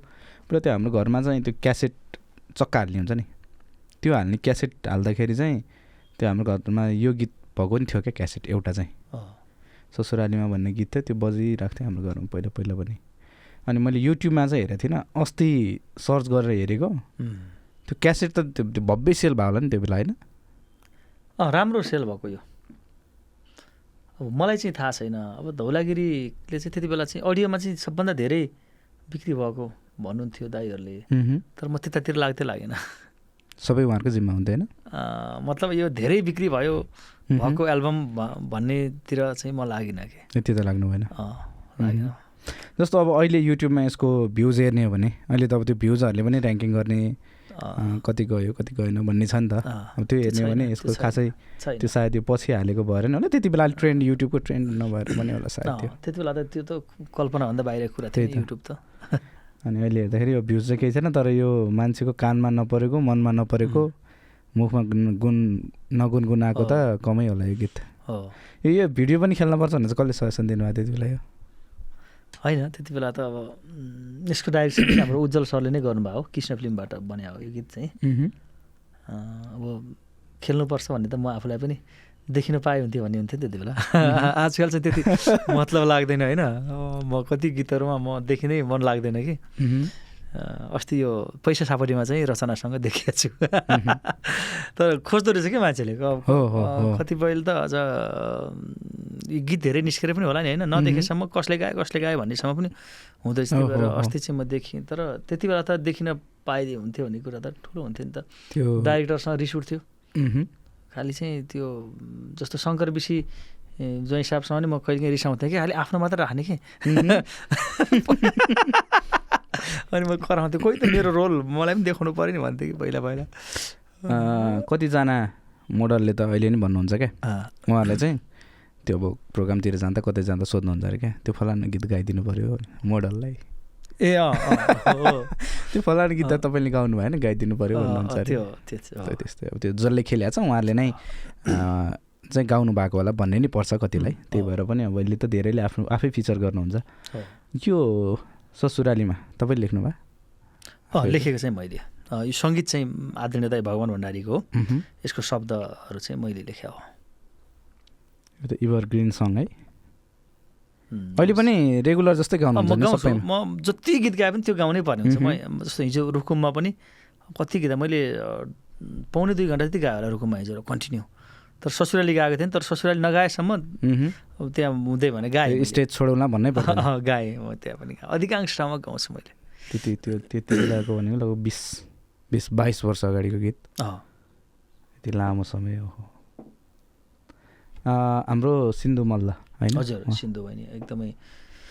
यो यो गीत हामीले डिजिटल काठमाडौँमा गरे हो।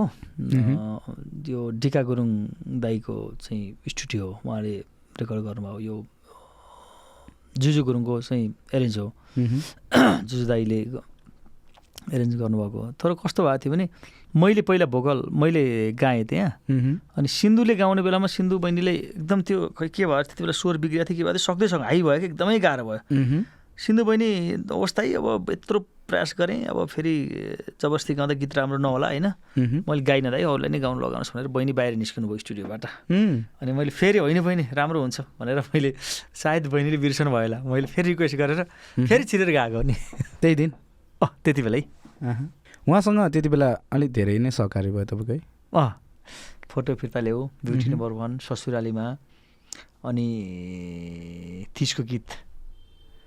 बहिनी र मैले गाएको यो अहिले कि देवर बाबुको बिहे भन्ने पनि गाएँ। अस्ति यो गएको मह्म। त्योभन्दा अगाडि पनि गाएको छ। बहिनीको गीत हो त्यो चाहिँ सिन्धु बहिनीको। धेरै गीतहरू गाइयो बहिनी र मैले। ओके। त्यो एउटा तिर्सुलीको किनारमा बालुवा चाल्नेहरू भन्ने। त्यो त मैले बैसठी त्रिसठी सालको जनआन्दोलन पछाडि लोकतन्त्र घोषणा भइसकेपछि म पोखराबाट काठमाडौँ आउँदै थिएँ। मेरो फ्यामिलीसहित म हाम्रो रमेश बाबु श्रेष्ठ दाई हुनुहुन्छ कलाकारलाई साथै माया गर्ने। एकजना आदरणीय दाई उहाँकै गाडीमा आउँदै थियौँ। अनि म उताबाट आउँदा भनेको लेफ्ट साइडमा बसेर लेफ्ट साइड। होइन? नदीको किनारतिर यस्तो हेर्दै आउँदा त्यहाँ मैले त्यो गिटी कुटेको बालुवा चालेको देखेँ कि। अनि ठ्याक्क मेरो दिमागमा आइहाल्यो। अब लोकतन्त्र त आयो होइन। तर कसको लागि आयो त? गिटी कुट्नेहरू बालुवा चाल्नेहरू त त्यही दुःख गरिराख्नु परेछ मह्म। त्यस कारण वास्तविक लोकतन्त्र आएको छैन। पाँच सात मिनटमा दस मिनटभित्रमा बनेको गीत हो यो। अनि मैले त्यो बाबु दाइलाई नि भनेँ मैले दाइ यो यस्तो यस्तो गीत बन्यो नि मेरो भने ए ल गजब भन्नुभयो। अनि फेरि बनाउँदै गएँ। अनि काठमाडौँसम्म आउँदा त मैले शब्दहरू पनि बनाएँ। लय त मैले तत्कालै बनाएँ हो। होइन? त्यो त्यति यात्रामै कम्प्लिट अँ कम्प्लिट गरेँ। अनि आएर एमु शर्मा एरेन्ज गर्न दिएँ। तत्कालै हामीले निकालिहाल्यौँ। त्यो गीत चाहिँ यो परिवेश भन्ने स्टुडियोमा। गरे हो। तर निकाल्न चाहिँ धौलागिरीले नै गरे। हो राम्रो भएको थियो त्यति बेला यो गीत। त्यही नै हो सो त्यही लाउसेली सिन्दुर लाउ अनि अनि मेरो माया लाग्छ लाग्दैन अनि गएर यो अझै नै गणतन्त्र आएको छैन है होइन? रातो पछ्यौरी अलि पछाडि हो। त्यो त धेरै पछाडि हो धेरै। पछाडि त। त्यही गीत होला सायद अन्तिम चक्का। गएको मेरो चाहिँ। सिडी बेच्नेमा? अँ, एउटा एउटा चाहिँ एउटा मैले एउटा स्वाधीनता भन्ने एउटा गीत पनि मैले पछि गरेँ। त्यो पनि हो। त्यो अन्तिम त्यो होला मेरो अडियोको चाहिँ। एक अरे चक्का बेच्ने चक्का बिक्री हुने उसको समयको चाहिँ त्यही होला। स्वाधीनता भन्ने।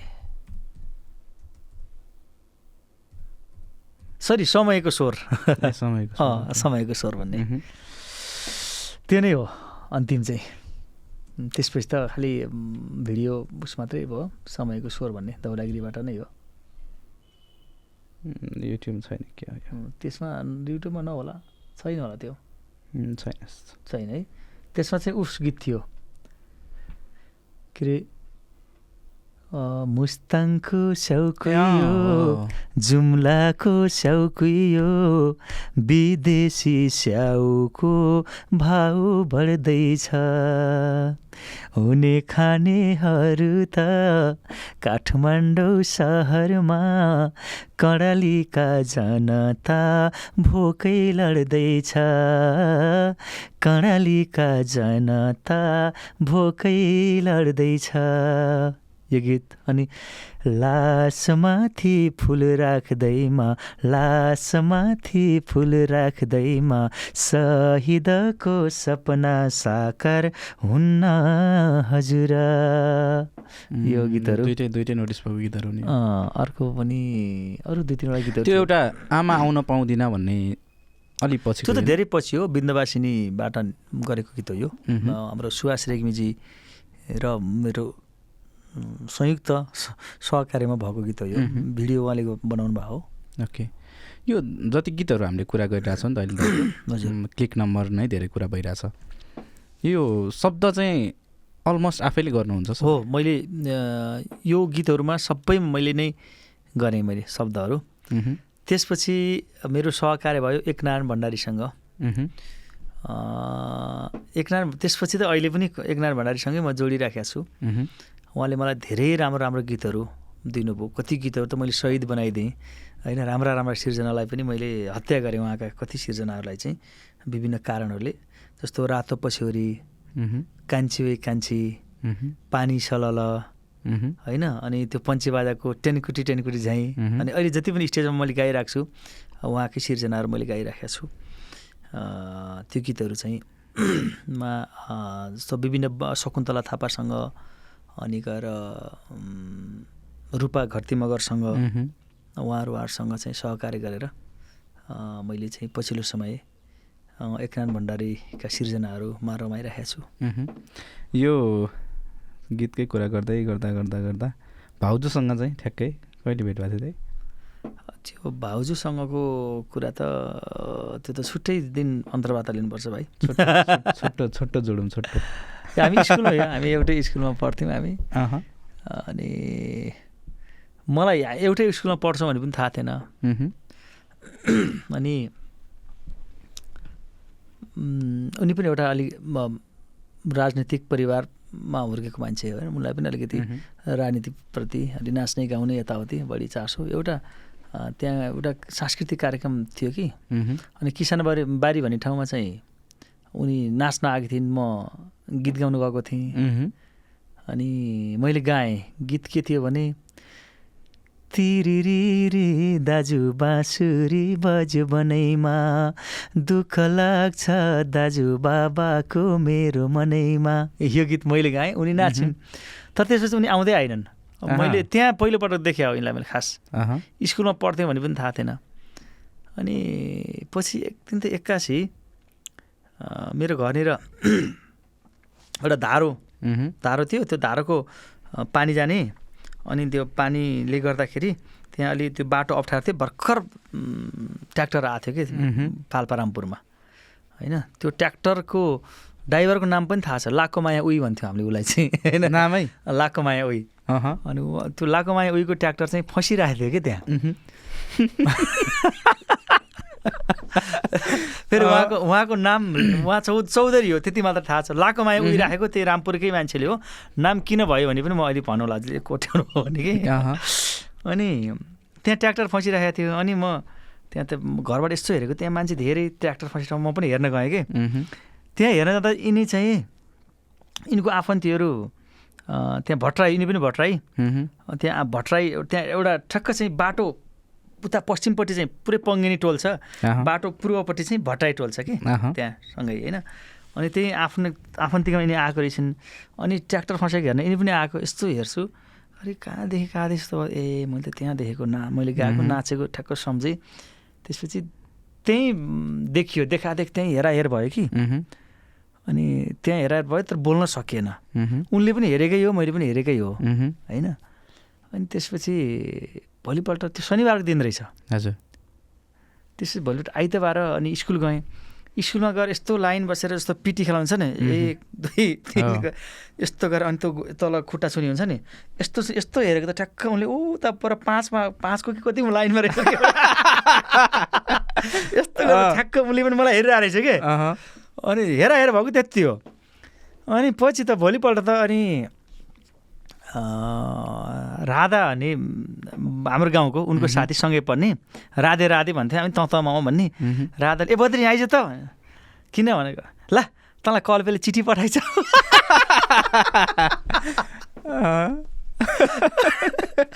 अनि अचम्म लाग्यो मलाई।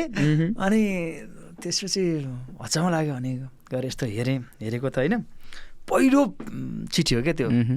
सायद मसँग छ होला त्यो म घरमा हुनुपर्छ त्यो।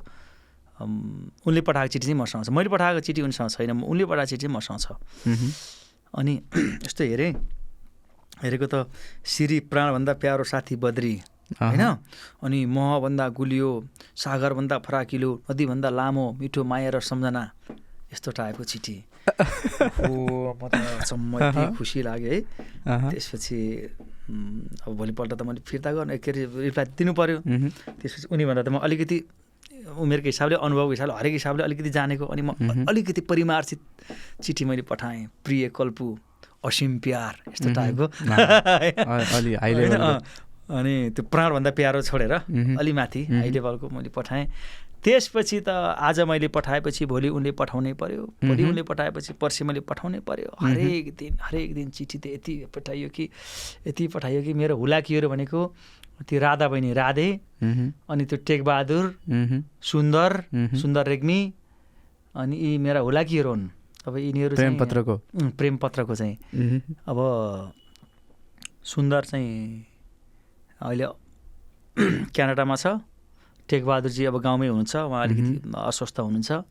राधा बहिनीको चाहिँ बिहे भएर अलि बम्ब इन्डियातिर कतातिर राधा छन्। त्यसरी चाहिँ एक दिन अब जस्तो आज उनले पठाइन् भोलि मैले पठाइनँ भने फेरि सकियो। ठुलो महाभारत त्यो अहिलेको मेसेन्जरहरूको रिप्लाई जस्तै। अँ त्यसपछि त्यसो गर्दै गर्दै अब हामी चाहिँ आठ वर्ष त्यस्तै भयो। अनि बिचमा अब म काठमाडौँ आएँ। काठमाडौँबाट पनि आदान प्रदान भयो। यसको छुट्टै कहानी छ। यो अब कस्तो छ भने बे चाहिँ कति सालमा भयो विवाह चाहिँ? अन्ठाउन्नमा अन्ठाउन्नमा। ओके।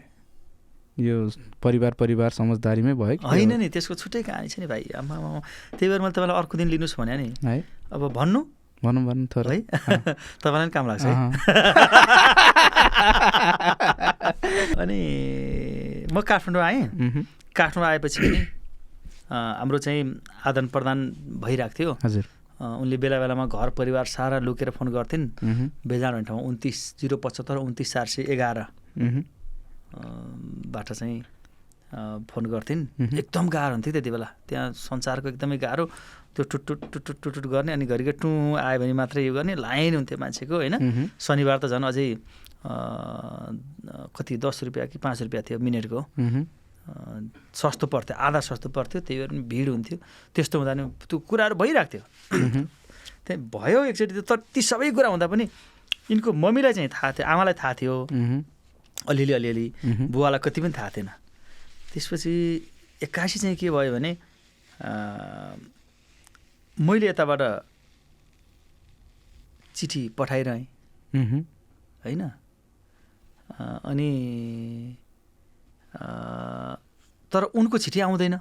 होइन? One way. वान वे मात्रै भयो। अनि त्यसपछि भइदिएछ के भने उनले रजिस्ट्री गरेर पठाएको चिठी त्यो मिस्टेकली चाहिँ त्यो ठेगाना चाहिँ त्यो नम्बर के भयो? त्यो रजिस्ट्री गरेर पठाएपछि त अनि पुरै फिर्ता जहाँबाट पठाए त्यहीँ जाने जान्थ्यो नि त त्यही बेला।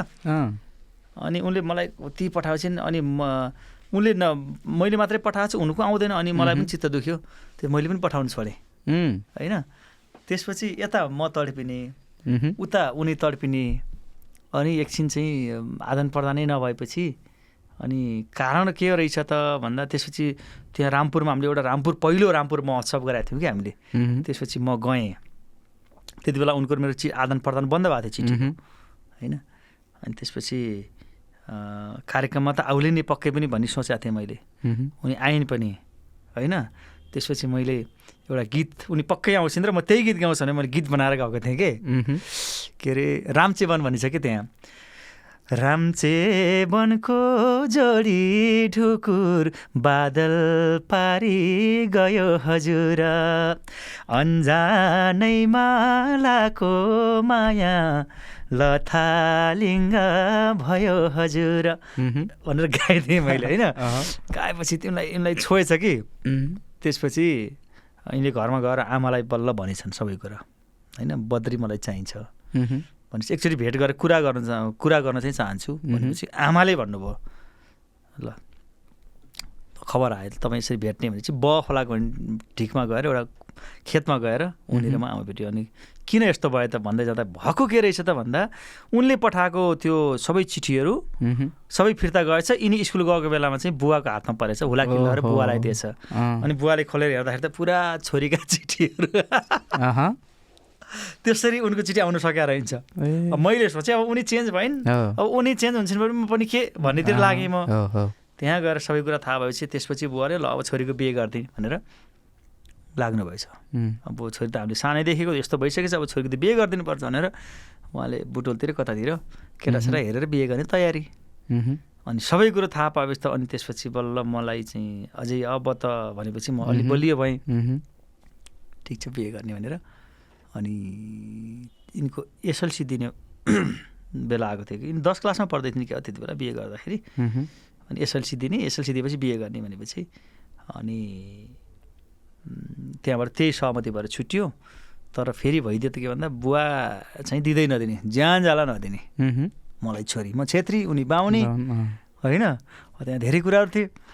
अनि त्यसपछि आमाले चाहिँ धेरै सङ्घर्ष गरेर आमाले ल ठिक छ। मेरो वचन भयो। म जसरी पनि हजुरसँग बिहे गराउँछु। अब यो बिहे चाहिँ चाँडै नै गर्नुपर्ने एसएलसी दिने बित्तिकै गर्ने भयो। त्यसपछि मैले त के सोचेको थिएँ भने म अलिकति अब उनले पनि अलिकति पढुन् म पनि अलिकति परिपक्व हुन्छु भने अलिक। पछि बिहे गर्ने भन्ने सोचेको थिएँ। त्यति बेलै बिहे गर्ने अब मैले त कस्तो भने के अब छोड्नु पऱ्यो उनलाई? कि चाहिँ बाल विवाह गर्नुपर्ने हो, मैले ल ठिकै छ भनेपछि चाहिँ अब बिहे गर्ने टुङ्गोमा पुग्यो। अनि त्यो भएपछि उहाँ आमा र बुवाको झगडा पऱ्यो। बुवा आमा चाहिँ एउटै घरमा पनि छुट्टै पकाएर। खानुपर्ने अवस्था समेत आयो। त्यस्तो भयो? भएछ अरे। अनि पछि आमाले नै बुटोल चाहिँ लिएर आउनुभयो। म यताबाट भवन भण्डारी दाई लिएर गएँ। अनि उताबाट त्यो सुन्दर आयो सुन्दर रेग्मी। अनि मेरो जन्ती हामी जन्तीतर्फ चाहिँ सुन्दर र भगवान् दाई म। उता आमातर्फ चाहिँ आमा अनि रमेश दाई मेरो साडु दाई।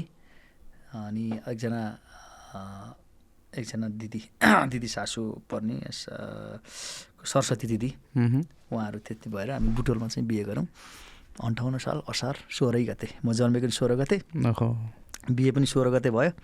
झन्डै झन्डै छोरी पनि असार सोह्र गते नै जन्मिन्छ कि भन्ने भनी लागेको थियो तर छोरी चाहिँ चार दिन ढिला भयो बिस गते। यसरी। यसरी चाहिँ हाम्रो चाहिँ बिहे भएको कस्तो रमाइलो कहानी रहेछ तर अघि त्यो लाकोमा उयोको कुरा नसुन्ने तपाईँ? कसरी भयो भनेर? त्यो नि सुनिहालौँ यो बिचमा। यो नाम यो नाम यो कुरा आइहाल्यो होइन। ठ्याक्क लाको माया उहीँ भन्थ्यौ भन्नुभयो नि त तपाईँले। अँ, अनि त्यो गाडीको त्यो ट्र्याक्टरहरूको पछाडि टेलरतिर लेखिरहेको हुन्छ नि त। म चाहिँ त्यही भन्नुभयो कि दाइले होइन होइन। भन्ने होइन भइरहेको थियो सुरुमा क्या? भयो भने उहाँ चाहिँ चौधरी हो थारू समुदायको पक्कै पनि त्यति। चाहिँ याद छ मलाई। नाम पनि थाहा छैन। तर नेपालमा के अरे रामपुरमा पहिलो पटक ट्र्याक्टर पुर्याउने चाहिँ उहाँ हो कि? ए। होइन? ट्र्याक्टर लिएर जाने एकदम स्पिडमा चलाउने। अनि त्यो उहाँले लिएर हिँड्दै गर्दाखेरि सधैँ त्यो गिटी बालुवा कालीगण्डकीबाट ल्याउने लाने। ल्याउने लाने गर्दाखेरि उहाँको चाहिँ कोही कसै त्यही रामपुरकै कसैसँग चाहिँ प्रेम बसेछ। होइन? प्रेम त बसेछ तर उहाँले चाहिँ त्यो जोसँग प्रेम बसेको उहाँको नामै थाहा रहन्छ कि। हेराहेर हुन्थ्यो होला के हुन्थ्यो होला। होइन? अर्थात् भेटघाट भएको थिएन होला। नामै सोध्न भ्याएन? नामै सोध्न भ्याउनु भएको थिएन होला। होइन? त्यसपछि एक दुई दिनसम्म त्यो ठ्याक्क घरनिर पुगेपछि हर्न लगाउने अनि ठ्याक्क उनी निस्कने अनि हेर्ने त्यस्तो केही हुँदो रहेछ। अनि दुई चार दिनसम्म चाहिँ अब उनी कता गएको बेला परेछ। अनि नदेखेपछि उहाँले चाहिँ सब मान्छे अब हामी त ट्र्याक्टरमै हुने नि त सबैजना। सबको गाडी चाहिँ हर्न लगाएपछि नसुनेपछि अनि लाको माया उही भनेर बोलाउनु भयो कि होइन? लाक्क माया उही गरेर बोलाएपछि चाहिँ हामी बुझिहाल्यौँ होइन। अनि त्यसपछि उहाँको नाम हामीले लाको माया उही नै राखिदियो कि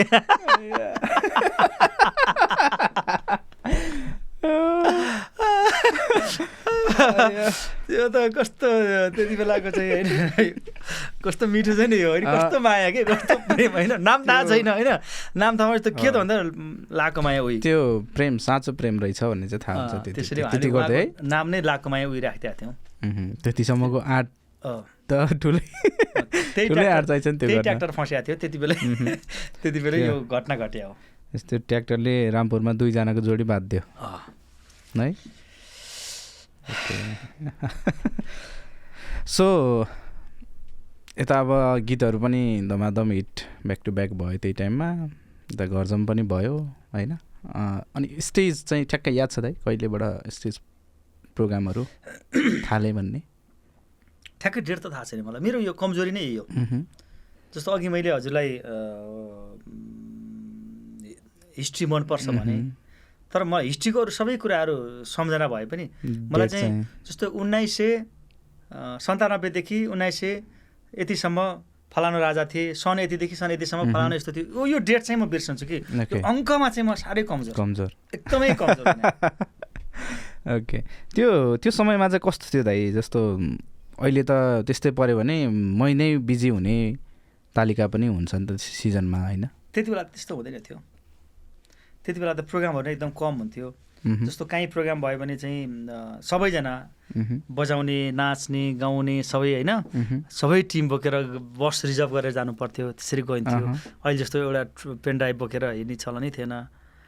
छुट्टै रमाइलो थियो। त्यति बेला लाइभमै गाउनु पर्थ्यो लाइभ गाउँथ्यौँ हामी। ट्र्याकमा त धेरै पछि पुरै लाइभमा गाउँथ्यौँ हामी। फर्स्ट टाइम प्लेन चढ्नु भएको याद छ छ। डेट नभन्नुहोस् तर चढेको कहिले भने भगवान् भण्डारी दाई र म हामी दोहोरी प्रतियोगितामा भाग लिनको लागि विराटनगर गएको थियौँ। होइन? त्यहाँ जाने क्रममा चाहिँ हाम्रो शान्ता दाहाल। त्यहाँको एउटा चाहिँ के भन्छ धेरै जग्गा भएकोलाई के भन्छ? जमिनदार। जमिनदार। धेरै जग्गा थियो दाइको अनि पुरा माछा पोखरी यताउति सबै भएको। त्यहाँको चाहिँ जो जमिनदार धनी मान्छे हुनुहुँदो रहेछ। असाध्यै माया गर्ने लोकदोहोरीलाई असाध्यै माया गर्ने भगवान् दाइले मलाई माया गर्नु एकदमै माया गर्नुभयो। अनि हामी उहाँकै घरमा गएर बस्यौँ। अनि माछाको पोखरीबाट निकाल्दै खाँदै पनि गऱ्यौँ। उहाँले हामीलाई एउटा निलो सर्ट र कालो पाइन्ट पनि किनिदिनु भयो भगवान् दाईको मेरो एउटा कहीँ भेटिन्छ ड्रेस। अहिले पनि त्यो फोटो छ। होइन मसँग छ घरमा चाहिँ। त्यो सिलाइदिनु भयो अनि त्यसपछि प्लेनमा फ पठाउँछु तिमीहरूलाई भन्नुभयो। टिकट पनि काटिदिनु भयो अनि पहिलो पटक प्लेन चढेको विराटनगरबाट काठमाडौँ। काठमाडौँ आउँदाखेरि बा एकदम बादलमाथि स्वर्गीय आनन्द। पहिलो पटक मजा फिल भएको थियो। त्यही नै हो। मेरो पहिलो पटक चाहिँ त्यही दाइले शान्ता दाहाल दाइले चाहिँ। चढाउनु भयो विदेशको पहिलो प्रोग्राम चाहिँ कुन देशमा? बहराइन। बहराइनमा? शिला र म। मह्म, शिला आले दिदी। शिलाले म र शकुन्तला थापा बहिनी हामी तिनजना। हामी पहिलो पटक गएको बहराइन। मह्म। अहिलेसम्म कतिवटा देश जानुभयो? अझै हामी कृष्ण कणेलजी र म सँगै आयौँ नेपालगञ्जबाट प्लेनमा।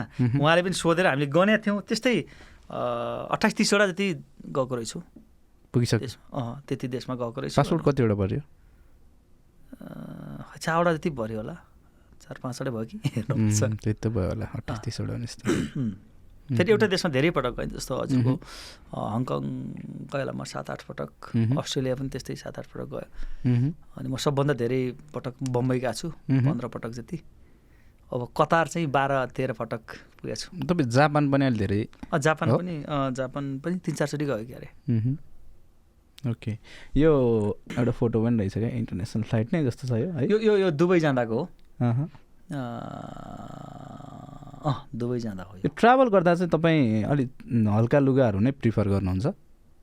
अवस्था हेरेर हुन्छ कहिलेकाहीँ त म दौरा सुरु लाएर पनि गइदिन्छु। पहिला पहिला चाहिँ त्यसो गर्थेँ. म त तपाईँ आज पनि दाइ पक्कै दौरी सुरुवाल लाएर आउनुहुन्छ म। सिधै सिधै उताबाट आएँ नि त म नत्र त्यही भएर सिधै किन किन पनि भने हजुर। त्यो दाइसँग चाहिँ मेरो त्यो कस्तोमा पनि परेको छ भने अब त्यहाँ हामी रङ्गशालामा पनि गेम हेर्न जाने भनिसकेपछि प्रायः अब ट्र्याक स्याक लाइन्छ के लाइन्छ म त त्यत्तिकै आउँछु अँ। दाइ टिटिक्क आइरन लगाएर सेतो दोहोरो लगाएर टक्क कोटसोट लगाएर ढाकेर लगाएर एउटा झन्डा हालेर टिटिक्कै परेर आउनु भएको हुन्छ नि त। होइन म खास गरी अब देशको राष्ट्रिय गेम छ भने। म दौरा सुरुवाल त लगाउँछु नि। म अस्ति क्रिकेट हेर्न जाँदा पनि दौरा सुरुवाल लगाएर अँ। गएको थिएँ। त्यो त एउटा राष्ट्रसँग राष्ट्रियतासँग जोडिएको हुन्छ। होइन? फेरि दौरा सुरुवाल नै लाउनुपर्छ भन्ने छैन। तपाईँको चाहिँ कसैले मगर समुदायको वेशभूषा लगाए हुन्छ कसैले गुरुङ समुदायको। कसैले थारू समुदायको होइन? को- कोही हिमालतिरको कोही सुदूरपश्चिमतिरको एउटा नेपालीपन झल्किने। तर दौरा सुरुवाल लाउनको लागि अलिक कम्फर्ट मान्ने म हो। अलिक प्रिफर गर्नेमा चाहिँ मैले तपाईँलाई नै मान्छु। मलाई एकदम सही लाग्छ. दौरा सुरुवाल। त्यो चाहिँ मैले देखिरहेकै हुन्छु. यो इन्टरनेसनल फ्लाइटमा चाहिँ। अब त्यत्रो अट्ठाइस तिस देश जाँदा त धेरै नै उ गर्नुभयो होइन। त्यस्तो कुनै छ मोमेन्टहरू एक्सपिरियन्सहरू? ठ्याक्कै सम्झिने। त्यस्तो अब यो प्लेन हल्लाएकोहरू चाहिँ धेरै छ। होइन? अनि प्लेन छुट्न लागेर दौडेकोहरू छुटेको पनि छ। जितु नेपालजी म अनि हाम्रो निर्मला निर्मली यसरी सरी उहाँको नाम निर्मला हो। निर्मला नै हो हास्य कलाकार। हामी अमेरिकाबाट आउँदा चाहिँ हाम्रो कतारमा प्लेन छुट्या छ। ट्रान्जिटमा? ट्रान्जिटमा। मह्म। बल्ल बल्ल कति गाह्रो भयो होइन। त अस्ति चाहिँ एकचोटि के भएको छ भने तिन चार वर्ष भयो होला। तिन वर्ष चार वर्ष भयो। क्यानाडा गएको थिएँ म। अनि त्यसपछि टिकट अब सबै दाई उता उतैबाट गरेको। अब त्यो शान्ता दाई पनि त्यस्तै म जस्तै रमाइलो। अहिले रमाइलो मात्रै भुलियो तर टिकट बाह्र बजे उम्, को छ भन्ने भयो अनि त्यसपछि दाईहरू केमा बिजी भएर म पनि ठिक छ दाइ म आफै जान्छु भनेर सर ट्याक्सी चढेर आएँ। एयरपोर्टमा अनि त्यसपछि लाइनमा बसेँ म साँझ राति बाह्र बजे होइन। पुरो ठुलो लाइन थियो। अनि यो के अरे यो ड्रागन ड्रागन त्यसलाई चाहिँ क्याथेमा हो। त्यहाँबाट त्यहाँ क्याथेमा रहेछ अनि लाइन अन्तिममा मेरो पालो आयो। अनि गएर ठक्क पासपोर्ट दिएँ। होइन? दिएको त सरी यो त तेरो दिउँसोको बाह्र बजी गइसक्यो प्लेन त भन्थ्यो। अनि नम्बर पनि छैन त दाइको होइन? केही पनि छैन कस्तो अप्ठ्यारो त्यसपछि मैले यस्तो रिक्वेस्ट गरेँ। अनि रिक्वेस्ट गरेँ त्यसले के भन्यो भने ठिक छ म हेर्छु भने। र अन्तिमसम्म एकछिन पख अझै समय छ। कोही आएन भने तँलाई म प्रयास गर्छु भनेर भन्यो त्यो चाइनिजले होइन? अनि लेडिज थियो। अनि धन्न मैले चाहिँ पाएँ। पाउनु त पाएँ तर म चौबिस घन्टा हङकङमा ट्रान्जिट बस्नु पऱ्यो भनेको त्यो केयरलेस के अब. हेर्दै नहेरेको त्यो दिउँसोको बाह्र बजी हो कि रातिको बाह्र बजी ख्यालै नगरे कि बाह्र बजी मात्रै. हेऱ्यो।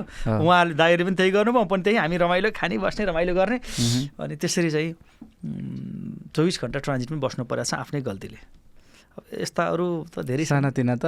भइरहन्छ नेपालमा। धेरै छन् त्यस्ता रमाइलोहरू। नेपालमा त अझै मलाई पनि परेको छ एक दुईचोटि। नेपालमा चाहिँ धेरै जस्तो हामी अब हामी त हिँडेर हुन्छ नि त। कस्तो परिदिने भने अब त्यो टिकट उतैबाट आउँछ नि त अर्गनाइजरकै होइन। अब भैरवा जानु छ भने भैरवा काठमाडौँको टिकट पठाइदिने क्या। अब त्यो हामी त हेर्दैनौँ नि त भैरवा काठमाडौँ है काठमाडौँ भैरवा त हेर्दैनौँ। टाइम साइम हेरिन्छ अनि ट्याक्क त्यहाँ गएर टक्क। आइडी कार्ड दिइसकेपछि अनि यो त भैरवा काठमाडौँको टिकट हो भने त्यो त त्यो कति बिहानको। बिहानको छ बजे भन्यो। अनि साँझको छ बजे काटिदिइराखेको हुन्छ अँ अनि कहिलेकाहीँ त म आफै पनि झुकिन्छु त्यो एम र पिएममा एकदम त्यो ख्यालै गरिदियो कि हतारमा। काटिन्छ त्यो। अब त्यो प्लेनको यात्रा चाहिँ धेरै छ नेपालमा त अरू धेरै घटनाहरू छन् प्लेनको त त्यो हिँडिरहने भने भएपछि। भरि नै हुन्छ। पहिला अलि अलिक बढी डर लाग्थ्यो आजकल चाहिँ खास डर लाग्दैन। है? हो मलाई त यो अस्ति यतिको। जुन घटना घट घट्यो त्यसपछि त झन् डर लाग्दैन किनभने सर नलाग्ने चाहिँ? नलाग्ने। ओहो लाग्दैन। उल्टो भएछ यो अघि हाम्रो कुरा पनि आइहाल्यो होइन जस्तो गेम्सहरूको कुरा क्या। तपाईँ चाहिँ लगभग त्यो भ्याएसम्म अथवा फुर्सदै निकालेर भए पनि नेपालको गेम हेर्न चाहिँ पुगिरहेकै देख्छु म। त्यो नपुग्दा पनि घरबाटै भए पनि अथवा फोनबाटै भए पनि कतै न कतैबाट तपाईँको त्यो इङ्गेजमेन्ट चाहिँ हामीले देखिरहेकै हुन्छ। यो चाक चाहिँ अब पहिलादेखि नै खेल्ने जस्तो अब कतिपयले ख्याल गर्नुभएको छ भने म स्टेजमा बस्दा पनि मोबाइल हेरिराखेको हुन्छु नि। म त गेमै हेरिराखेको हुन्छु। है। अब गेम म चाहिँ म रमाउने भनेकै गेममा हो। म। फुटबल क्रिकेट हजुर। होइन मेन चाहिँ अरू पनि हेर्छु म। भलिबल पनि हेर्छु। बास्केटबल ब्याडमिन्टन सबै हेर्छु म। म म खेल्ने खेल्छु पनि। जस्तो मेन त फुटबल फुटसल। हजुर। खेल्छु नि रेगुलर फुर्सद हुँदाखेरि। अनि सबै गेमहरू खेल्छु लुडो त खेल्छु। यो गेम्समा चाहिँ दाइको सबभन्दा फेभरेट चाहिँ कुन हो? फुटबल। फुटबल नै हो? ओके। फुटबल खेल्ने पनि भयो हुनाले क्रिकेट पनि खेल्छु। तर क्रिकेटको चाहिँ क्रिकेट अलिक पछि। सिकेको फुटबल त सानैदेखि। जन्मदै सिकेको भयो होइन। क्रिकेट चाहिँ अलिक पछाडि पछाडि मात्रै त्यो। दाइको फुटबलमा चाहिँ अन्त सायद फुटसल पनि खेलिरहने भयो होला हामीले लास्ट मन्थ खेल्यौँ नि त होइन अँ, म्याच। खेल्यौँ दाइ दुइटैमा लगभग नब्बे नब्बे नै मिनट नै अँ, तौड हिसाबले चाहिँ फरवर्ड भएरै खेल्न सक्नुभयो त्यो खालको स्टामिना चाहिँ छ दौडिन सक्छु त्यही हो। दौडिन चाहिँ अब हामीलाई त्यहाँको त्यही गाह्रो भइरहेको थियो होइन। दाइको त्यो खालको चाहिँ एउटा त्यो इनर्जी चाहिँ देखिन्छ फिल्डमा चाहिँ फेरि। यो फुटबलको दाइले सबभन्दा धेरै मान्ने प्लेयर? नेसनल्ली नेसनल कुरा गरौँ पहिला। नेसनल चाहिँ मलाई सबभन्दा अनुशासित लाग्ने खेलाडी भनेको अनिल गुरुङ हो। एकदमै अनुशासित। हजुर। एकदम मेहनती खेलाडी। उहाँले जति खेल्नुभयो देशका लागि क्लबका लागि एकदम। अनुशासित खेलाडी हो अनिल चाहिँ। अहिले खेलिरहनु भएको अहिले खेलेकोमा चाहिँ अञ्जन विमल। ग्लोबल्ली? म त अहिले खेलिरहेको रोनाल्डो मेसी नै हो होइन? यो रोनाल्डो र मेस्सी मध्ये एकजना चुज गर्नु पर्यो भने के? लाइक रोनाल्डो भेट्ने कि मेस्सी भन्यो भने रोनाल्डो। रोनाल्डै हो। के कुरा इन्फ्लुएन्स गर्छ त्यता चाहिँ? होइन अब दुवै महान खेलाडी हो। होइन अझै अहिले त वर्ल्ड कप जिताइसकेपछि त अब कतिले मेसीलाई नै बढी महान। मान्छन्। तर रोनाल्डो एकदम मेहनती लाग्छ मलाई। एकदमै मेहनती लाग्छ। खटेर खेल्ने एउटा चाहिँ र उसको चाहिँ अनि सामाजिक कार्यहरूमा चाहिँ रोनाल्डो अलि अगाडि देख्छु म। जस्तो अहिले आलनासरमा गइसके पछाडि पनि होइन? त्यहाँ कति पैसाहरू उसले डोनेट गरिराखेको हुन्छ। रोनाल्डोले। अनि उसका के केही चिजहरू हुन्छ नि मान्छेको मन मेसी मे यसको मतलब मेसी पनि मन नपर्ने होइन? मात्रै अब कुन औँला भने जस्तो लाग्छ कि? दसको नौ भने जस्तो अलिकति। रोज्नै पऱ्यो भने। चाहिँ। क्रिकेटमा ग्लोबल्ली? क्रिकेटमा चाहिँ म खास पहिला साहिद अफ्रिदीको एकदम फ्यान हो। अनि मलाई एकदमै मनपर्छ हजुरको त्यस्तो खेलाडी सायद अब जन्मिँदैन होला। George Bailey. होइन? कहिल्यै नरिसाउने के। तपाईँ हेर्नुहोस् जर्ज बेली भनेको यस्तो यस्तो खेलाडी हो। जस्तो विकेट गयो ऊ खेल्दा चाहिँ गयो भने पनि। हाँस्दै बाहिर निस्कने एउटा खेलाडी चाहिँ जर्ज बेली। त्यो अहिले खेलिरहेकोमा ऊ केन विलियमसन पनि त्यस्तै त्यस्तै छन् नि। होइन। तर जर्ज बेली जस्तो अलि। होइन। नरिसाउँदै नरिसाउने चाहिँ। होइन। कहिलेकाहीँ रिसाएको पनि। देखेको छु। अनि मलाई केभिन पिटरसन मलाई एकदम मनपर्ने होइन? पहिले म अलि पहिलाको मन पराउँछु कि। अहिले चाहिँ अब अहिलेकोहरूमा त हजुर मैले रोज्नै पऱ्यो भने चाहिँ अहिले त सबै उस्तै उस्तै नै लाग्छ। टिम चाहिँ म पाकिस्तानलाई सपोर्ट गर्छु। पहिल्यैदेखि पहिलेदेखि नै। ओके। पाकिस्तान अस्ट्रेलिया इङ्ल्यान्ड नेपालको चाहिँ नेपालको नेसनल टिमबाट चुज गर्नु पऱ्यो कोही बेला। म- ज्ञानेन्द्र मल्ल। ओके पहिला चाहिँ पहिला? होइन म मतलब खेल्न छोडिसकेका प्लेयरहरू मध्येबाट कोही? खेल्न छोडेकोमा चाहिँ शक्ति। पारस खड्का शक्ति गौसन सागर पुन। अनि उहाँहरू नै हो। अनि त्यसपछि अब अहिले चाहिँ मलाई ज्ञानेन्द्र मल्लको खेल चाहिँ जुन एकदम क्ल- क्लासिक एकदम क्लासिक छ कि उसको ज्ञानेन्द्रको चाहिँ खेल्ने शैली त्यो चौका पनि उसले हान्ने चौका र अरूले हान्ने चौका। थोरै हाने पनि कस्तो मिठो है। मिठो र मिठो। ज्ञानेन्द्रको चाहिँ खास अच्छा हामीहरू चाहिँ के गर्छौँ भने कि जस्तो एउटा गेम नखेल्ने बित्तिकै गाली गरिहाल्छौँ। होइन फलानु यस्तो ढिस्कानु उस्तो एउटा अब भनौँ न दिपेन्द्रले एकछिन हानेन भने दिपेन्द्रलाई गाली गरिहाल्छौँ। कुशलले हान्यो भने कुशललाई आउट गर्नुपर्छ भन्छौँ सल्लाह। दिन्छौँ दुनियाँ त्यो हेरिराखेको हुन्छ। तर त्यो हुँदैन कि? त्यो खास के हुन्छ भने हामीले के बुझिराखेका हुँदैनौँ भने जस्तो दिपेन्द्रले रन हानेन भने पनि उसले विकेटमा राम्रो गरिराखेका हुन्छ कि? होइन? जस्तो ज्ञानेन्द्रले चाहिँ रन हानेन भने पनि उसले फिल्डिङमा राम्रो गरिराखेको हुन्छ कि? जस्तो एघार रन हानेर आउट भयो भने अरू बाइस रन उसले चाहिँ रोकिराखेको हुन्छ। ज्ञानेन्द्रको त्यो फिल्डिङ। र उसले चाहिँ भित्र लेजेन्ड हो। उसलाई धेरै अनुभव थाहा छ नि त होइन क्रिकेटको। जस्तो रोहितलाई यस्तो गरौँ यस्तो गरौँ भन्ने सल्लाहहरू। होइन सो हामीले अस्ति पनि हेऱ्यौँ नि त। बाहिर बसेर पनि अब जस्तो ज्ञानेन्द्र चाहिँ क्याप्टन जस्तो लागिरहेको थियो होइन भने पानी लिएर गएको गइ थियो गएको गइ थियो। बोलेको बोलेको थियो सिकाएको सिकाएको थियो। अनि अडियन्सलाई पनि होइन धैर्य गर हामी जितिन्छ भनिराखेको थियो। उहाँको त्यो नै चाहिँ कला हो कि खेल्ने मात्रै कला हो। त्यो एउटा एक्सपिरियन्स बटुलिसकेपछि ब्याट्सम्यान सबैले रन हान्ने भने त वान डेमा पनि पाँच सय छ सय हुन्छ नि त। हो। त्यस्तो हुँदैन नि त। होइन हरेक कुरा हुन्छ नि त क्रिकेटमा पनि। कसैको फिल्डिङ राम्रो हुन्छ कसैको चाहिँ ब्याटिङ राम्रो हुन्छ। कसैको बलिङ राम्रो हुन्छ कसैको चाहिँ अब त्यहाँभित्रको चाहिँ टेक्निकहरू हो। यसरी जाउँ भन्ने हुन्छ क्याप्टेनसँग चाहिँ सहकारी गरिराखेको हुन्छ। यी सबै कुराहरू हामीलाई थाहा हुँदैन। त्यो पनि भयो। अहिले यो मोडर्न डे क्रिकेटमा चाहिँ लाइक त्यो फिल्डिङ मात्रै गरेर रन मात्रै बचाइदियो भने पनि कति त्यसको भ्यालु हुन्छ क्या? त्यही। त। त्यो पनि क्यालकुलेट गर्ने अहिले जमाना आइसकेको छ। हाम्रोमा चाहिँ एक गेममै कति धेरै त्यो क्रिटिसाइज गर्ने एक गेममै। कहाँ पुऱ्याइदिने माथि एक पहिला अब हुन्छ। फुटबलको कुरा गर्नुपर्दा मलाई बसन्त थापा एकदम मन पर्थ्यो राम्रो खेल्ने बसन्त गौचन। अनि उहाँहरूसँग त म सानो गौचरमा बसन्त गौचनहरूसँग त म खेल्न पनि जान्थेँ। खेलेको थिएँ पनि म। अनि हरि खड्का। होइन? उहाँहरूको खेल चाहिँ अहिले चाहिँ हेर्दाखेरि भेट हुन्छ हेर्दैछ होइन? सधैँ भेट हुन्छ। उहाँ एकदम राम्रो राम्रो खेलाडी हो। उहाँ। चाहिँ उपेन्द्रमान सिंहहरू उहाँ- उहाँहरूको खेल चाहिँ अहिले जस्तो फुर्सद हुँदा खेलिरहनुहुन्छ? फुटसलहरू? फुटसल त खेल्छु त अहिले अस्ति चाहिँ त्यो खुट्टा यो नङ यो बुढीौँलाको नङ चाहिँ यस्तो नराम्रोसँग ठोकेको मैले हाने भन त। यो कालो भएर अनि त्यो उस भएर त्यो नङ यस्तो आ गरिराखेको छ क्या त्यसलाई निकाल्न पनि सकेको छैन।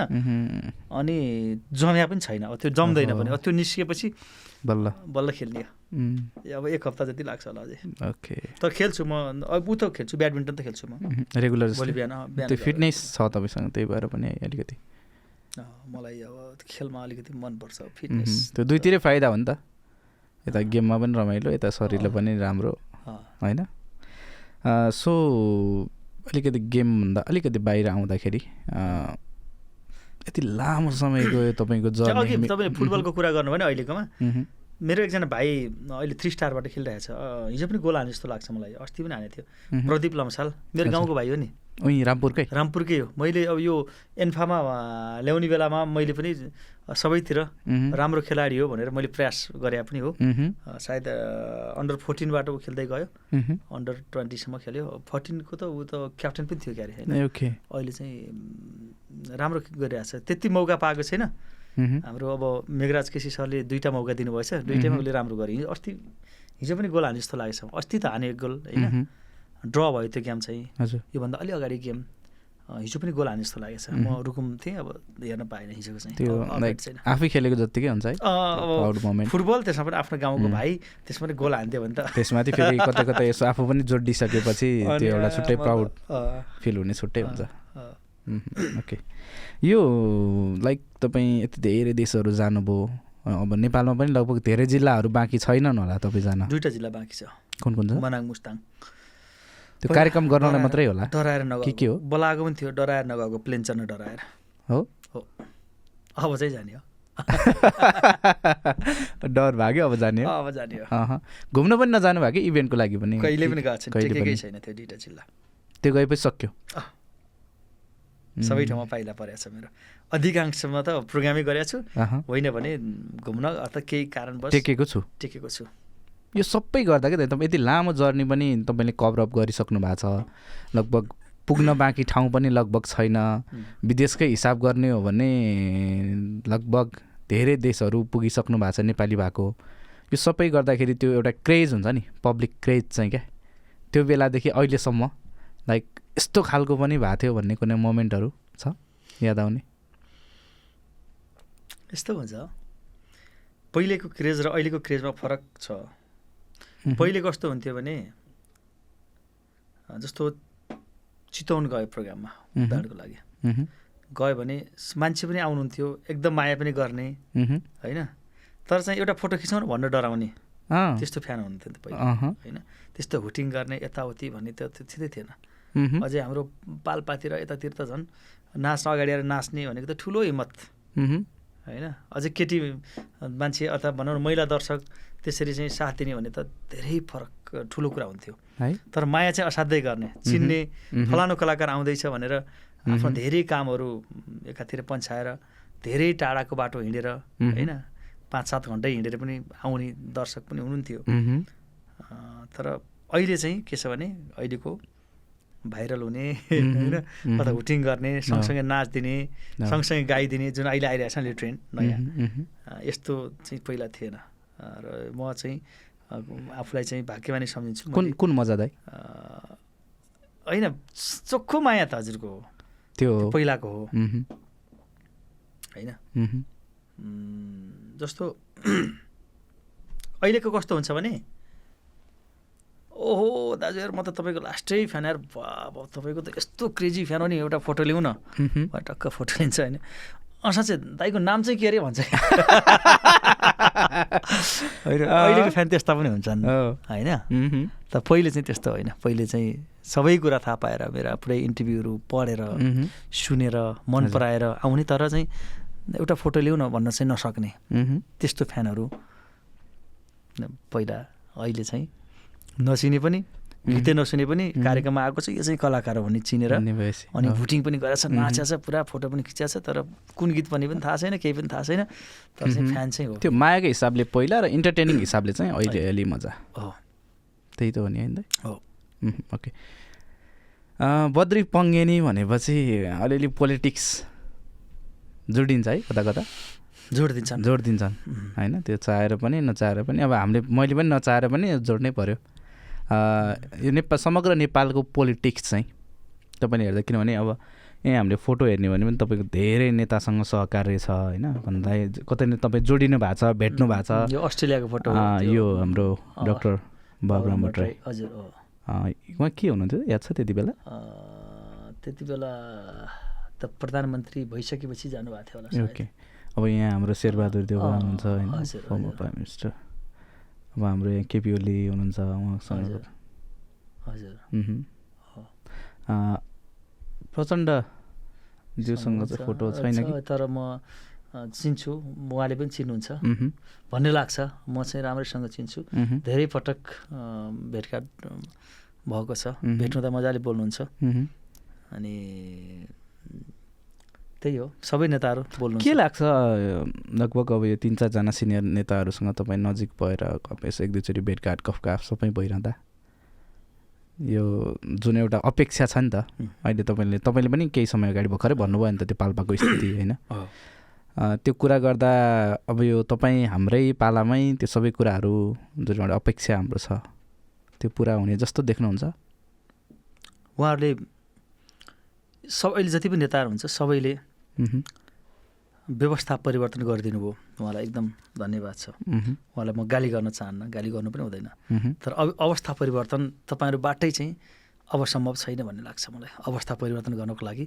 हामी फरक तरिकाले उहाँहरूको आशीर्वाद उहाँहरूको अनुभव उहाँहरूको योगदानलाई सम्मान गर्दै उहाँहरूबाट पनि केही कुराहरू सिक्दै अब नयाँ तरिकाले नयाँ ढङ्गले नयाँ बाटोबाट अगाडि बढ्नुपर्छ अवस्था परिवर्तनको लागि। भन्ने लाग्छ। यही राजनीति दल यही नेतृत्व शैली र यही किसिमको शासन शासन पद्धति र यही किसिमको चाहिँ चुनावी प्रणाली मह्म, बाट चाहिँ देशको चाहिँ अवस्था परिवर्तन होला जस्तो चाहिँ मलाई लागिराखेको छैन। व्यक्ति चेन्ज हुनुपर्ने देखिन्छ कि विधि? विधि र पद्धति पनि अझै पनि चेन्ज हुनुपर्छ। चेन्ज भएको हो। तर हामीले अहिले जुन किसिमको विधि र पद्धति अप्नाइराखेका छौँ र यहाँ पनि त्रुटि छ भन्ने लाग्छ। र व्यक्ति पनि सुध्रिनुपर्छ। जुन संस्कार छ नि हाम्रो राजनीतिक संस्कार छ नि त्यो चाहिँ बिल्कुलै चेन्ज हुनुपर्छ भन्ने लाग्छ मलाई। अहिले जुन किसिमको चाहिँ पद्धति हामीले अप्नाइराखेका छौँ। छिनछिनमै चाहिँ सरकार परिवर्तन हुने खालि कुर्सीका खेल हुने कहिले कसले लडाएको छ कहिले। कसलाई लडाएको छ होइन को कहिले को कुर्सीमा छ को कहिले तल झरिराखेका छ। खेलहरू यो त तपाईँको अडचालिस साल पछाडि त यही खेलहरू त खेलिराखेका छौँ नि न, हामी, हो, हो। होइन अब अहिले पनि अब यही खेल खेलिराख्ने यही किसिमको पद्धति भन्दा त्यही नै हो होइन हामीले चाहिँ अङ्गीकार गरेको पद्धति त यही हो र यसले त नहुने रहेछ भन्ने बुझ्नुपर्छ। अब केही चेन्ज हुनुपर्छ। ओके यो दाई हुनु त यङ नै हुनुहुन्छ होइन? यङ नै हो नि यङ हुनुहुन्छ भन्नुहोस् न। यङ किन? होइन त्यो नै चाहिँ अब यति लामो कुरा भयो नि त यति धेरै भोगेको होइन? यति धेरै गरिसकेपछि चाहिँ नै आयो त्यो। अघिसम्म थिएन फेरि सुरु हुन्थेसम्म होइन, थिएन। अहिले आयो। कोही कसैले सानैमा बिहे गर्छ। सानैमा बच्चा पाउँछ। त्यसमा मेरो उमेरको के दोष यति धेरै कुराहरू चाहिँ भोगेर आइसक्नु भएको छ। लगभग तपाईँले चाहिँ मैले एज अ आर्टिस्टको रूपमा पनि चिनिरहँदा त्यो आर्टिस्ट जस्तो मात्र पनि लाग्दैन क्या तपाईँ? सिङ्गर जस्तो मात्रै क्या? त्यो सबै क्षेत्रको एउटा नलेज राख्ने नलेज कोही हुन्छ? नलेज राखे पनि नदेखिने। तपाईँ चाहिँ त्यो नलेज राखेको पनि भन्ने थाहा हुन्छ। पोलिटिक्सदेखि लिएर अन्य क्षेत्रदेखि लिएर सबैतिर त्यो एउटा चाख पनि छ जानकारी पनि छ त्यो तपाईँले सुझावहरू पनि कतिपय कुराहरू दिइरहनु भएको पनि हुन्छ। अब यो अगाडि बढ्दै जाँदा कुनै समय म आफै नै पोलिटिक्सतिर आउँ कि? छैन छैन। म त्यसलाई प्रष्ट रूपमा अहिले के भन्छ भने अहिलेसम्म त्यस्तो छैन। अहँ। जुन तपाईँले नलेज राख्ने कुरा गर्नुभयो म नलेज राख्छु तर म एकदम अपुरो अधुरो। म कुनै पनि कुराको चाहिँ म पोख्त छैन म पूर्ण छैन। रुचि मात्रै राख्छु। रुचि राख्दै जाँदा केही कुराहरू थाहा पाइन्छ त्यति मात्रै भनेपछि हामीले तपाईँले फुटबलकै कुरा गर्नुभयो अस्ति। खेलियो म त्यस्तो एकदम पर्फेक्ट भएको भए त अस्ति गोल हान्थेँ होला। किन जित्नु पर्थ्यो हामीले? होइन जित्नु पर्थ्यो होला हारियो त्यसले गर्दाखेरि म रुचि राख्छु। त्यति धेरै चाहिँ ज्ञान र त्यति धेरै अनुभव जति आवश्यक पर्छ त्यति चाहिँ छैन। र अब राजनीतिको कुरा तपाईँले गर्नुभयो। म चाहिँ अहिलेसम्म मैले त्यस्तो सोच बनाएको पनि छैन। गीत गाउने कुरा फरक कुरा हो। म गीत गाउने मेरो पेसा हो त्यो त पेसाको? पेसागत कुरा अर्थात् एउटा मानवीयताको हिसाबले कुनै एउटा विचार सिद्धान्तलाई मन पराउनु त्यसलाई समर्थन गर्नु त्यो मेरो एउटा चाहिँ अधिकारको कुरा पनि। रह्यो र स्वभावको कुरा पनि रह्यो जसले जतिसुकै मलाई राजनीति मनै पर्दैन मह्म। जसले भन्छ नि उसैलाई बढी राजनीति लगाइराखेको हुन्छ। होइन अब तपाईँको चुनावको बेलाको कुरा गर्नुहुन्छ भने मन्दिरको पुजारीको घरमा पनि पार्टीको झन्डा हुन्छ। स्कुलका मास्टरहरू पनि मोटरसाइकलमा पार्टीको झन्डा बोकेर हिँड्नुहुन्छ त्यस कारण अब गाली खाने बेलामा त मैले मात्रै हो। त्यो पनि गुनासो छैन। तर तपाईँले को अहिले गरेको प्रश्नको उत्तर भनेको अहिले त्यस्तो चाहिँ पोलिटिक्स गर्ने भन्ने सोच चाहिँ ममा छैन। ओके। यो म्युजिक फिल्डमै अलिकति जम्प गर्दा अहिले पहिला र अहिलेकोमा चेन्जेसहरू के के छ? धेरै चेन्ज छ नि। अब अहिले हजुरको ट्रेन्ड फरक प्रकारको चाहिँ हजुरको चाहिँ अब म्युजिक पनि अलिकति फरक प्रकारको हुन थाल्यो। हजुरको गीतको गाउने शैली पनि अनि प्रविधि पनि बाजाहरू त्यसमा प्रयोग गर्ने बाजाहरू पनि धेरै चेन्ज भइरहेको छ। यो सबै चेन्ज हुँदा आफूलाई नै त्यतातिर अलिकति ढाल्ने क्रम छ होइन? अब कतिसम्म ढल्ने भन्ने कुरा हो। कि मैले पुरै चाहिँ म लोकदोहोरी गायक हो। एउटा लोकगीतको चाहिँ पुरै मौलिकता नै मासेर त म। ढल्न सक्दिनँ। हो, हो, तर चाहिँ कतिसम्म ढल्किँदाखेरि म भाँचिन्न। अब समयअनुसार त चल्नु पऱ्यो। यो एउटा गीत। यो पैसा सापट्टि। हामीले अहिले यो बोलिरहेसम्म लगभग करिब करिब यो उनातिस लाख हजुर। हाराहारीमा पुग्यो है। हजुर। यो चाहिँ भोगाइ हो कि यो चाहिँ देखाइ मात्रै हो कि भोगाइ यो भोगाइ हो? भगायो मह्म, मैले अब धेरै थोरै अङ्कमा नजाउँ। धेरै साथीहरूसँग सरसापट्टि हुन्छ। र मसँग पनि धेरै साथीहरूले त्यो किसिमको चाहिँ आदान प्रदान भएको छ। तर। केही साथीहरू अ, ले गरेको व्यवहार होइन? पैसा लिने बेलामा गरेको व्यवहार र पैसा फिर्ता गर्ने बेलामा गरेको व्यवहार यति चाहिँ फरक यति चित्त दुख्दो व्यवहार। अनि त्यो कारणले गर्दाखेरि मैले गीत गाएको यो गीत त अहिले भन्नुपर्दा त्यो व्यवहारिक जीवनमा परिसकेको मान्छेहरूको सबैको यो घर घरको मन मनको यथार्थ हो है। मलाई चाहिँ त्यस्तै लाग्छ यो। टिकटकतिर पनि देखिन्छ क्या पैसा हो कहिले हुन्छ। कहिले हुँदैन त्यो आफ्नो ठाउँमा छ तर। कतिपयको स्वभाव के हुन्छ भने आफ्नो काम चलाइरहने। आफू चाहिँ मजाको चाहिँ जिन्दगी जिइराख्ने होइन अब सबै लाएको छ खाएको छ डुलेको छ घुमेको छ सबै छ। तर त्यो तिर्न भएको पैसा तिर्न मात्रै छैन कि।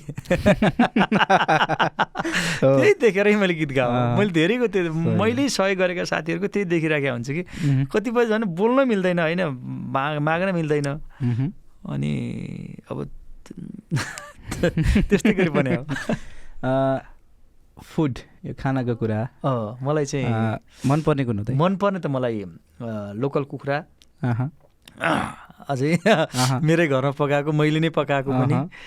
दाल भात तरकारी नै मेन हो होइन। अनि गुन्द्रुक भटमास मह्म। को ऊ चाहिँ एकदम मनपर्छ। अनि सानोमा गाउँमा जे जे खा खाइयो नि आमाहरूले जे जे खुवाउनु पनि त्यही त्यही नै मनपर्छ। तपाईँलाई मेथीको साग थाहा छ? मै हालेर पकाउने। त्यो कति मिठो हुन्छ? होइन? अर्को एउटा तपाईँलाई थाहा छैन त्यो त्यो त्यो वर्ड चाहिँ यतातिर अलि नराम्रो सुन्छ होइन? एउटा। फुल हुन्छ। नाम नभनौँ है। भनौँ त्यो एउटा फुल हुन्छ? कि? त्यो फुलको पनि कति मिठो तरकारी हुन्छ। जस्तो अब खोलाको चाहिँ त्यो जोलुका भयो। होइन खोलेको साग भयो। यस्तोहरू नै बढी मनपर्छ। तर त्यो बाहेक मैले नेपाली बाहेक अरू कुनै खाना खानु पऱ्यो भने मेरो कोरियन खाना चाहिँ बेस्ट हो। सबभन्दा। यो कहाँको हो? यो चाहिँ यो त हङकङको हो यो यो चाइनिज खाना हो यो। यो पनि मिठो हुन्छ। अनि चाइनिज कोरियन जापानिज यी खानाहरू चाहिँ मलाई मनपर्छ नेपाली पछि। मैले यही खानाहरू बढी खान्छु। मलाई चाहिँ जस्तो इन्डियन खानाहरू अरबिन खानाहरू त्यति। मिठो लागेन। अझ इन्डियन त झन् बढी एकदम बढी मसला बढी चिल्लो बढी पिरो हजुर। भएर म त्यति मन पर्दैन। ओके। नेपाली खाना नै मिठो थकाली खाना। मैले गीतै गएको छु नि खाजा मिठो नेवारी खाना मिठो थकाली। लगाइदेऊ माया यो जान्छ खाली भन्ने गीतै गएको छु अब के फोटो हेरेर हेरेर बेला? यो यो चाहिँ हाम्रो दोहोरी गीत प्रतिष्ठान नेपाल यो सुदूरपश्चिम प्रदेशको अधिवेशनको बेलामा लिएको फोटो हो। हाम्रो चन्द्र शर्माज्यू र म हो। त्यहाँका चाहिँ हाम्रो साथीहरूले माया गरेर सम्मान स्वरूप काँधमै बोकेर चाहिँ त्यति बेला एकदमै हामीलाई स्वागत गर्नुभएको थियो। हाम्रो के अरे विनोद बाजुरालज्यूको नेतृत्वमा सूर्यवीरे साउद अ, लगायत का साथीहरूले चाहिँ स्वागत गर्नुभएको थियो त्यति बेला। यो चाहिँ दाईको अहिलेको परिवार होइन? हो। अहिलेको परिवार भन्नाले कसरी भन्नु मैले फेरि? होइन। जस्तो अब अहिलेको भनेको हामीले विवाहसम्मको कुरा गरिरहेको थियौँ नि त अघि परिवारको। हो यो चाहिँ लुम्बिनीको हजुर। यो फोटो दाई यो चाहिँ बैसठी त्रिसठी सालको जुन जनआन्दोलन भएको थियो उन्नाइस दिने जनआन्दोलन त्यति बेला यो गङ्गबुको फोटो हो यो। पानी पनि परिरहेको थियो। यसको त्यो भिडियो पनि मैले कता कता देखेको थिएँ। अलि पहिला। पुरा दाई गीत गाएर अँ। पलेटी मारेर होइन। त्यो बेला त्यस्तो केही घाउचोटहरू केही दाई? मलाई चाहिँ लागेन। लागेन? मलाई प्रहरीले चाहिँ माया गरेकै हो। अरूलाई चाहिँ सँगै छ भने पनि म अरूलाई चाहिँ कुट्ने मलाई चाहिँ केही नगर्ने त्यो चिनेर पनि होला चिनेर पनि हो बिचरा। त्यति बेला माया गरेको मलाई त्यो ओके। यो स्टुडियोमा गएर खिचेको। हो पाल्पारामपुरमा खिचेको। कति वर्ष जति हुनुहुन्थ्यो होला दाई कति वर्ष थियो होला म? तेह्र चौध वर्ष। त्यस्तै होला यो। त्यस्तै होला दस। दस माथि हो यो दस। एघार वर्ष। त्यस्तै आसपासकै फोटो जस्तो छ यो। होइन चौध चौध वर्ष त पक्कै पनि हो। किनभने यसको एउटा छुट्टै कहानी छ। त्यो पछि भनौँला है?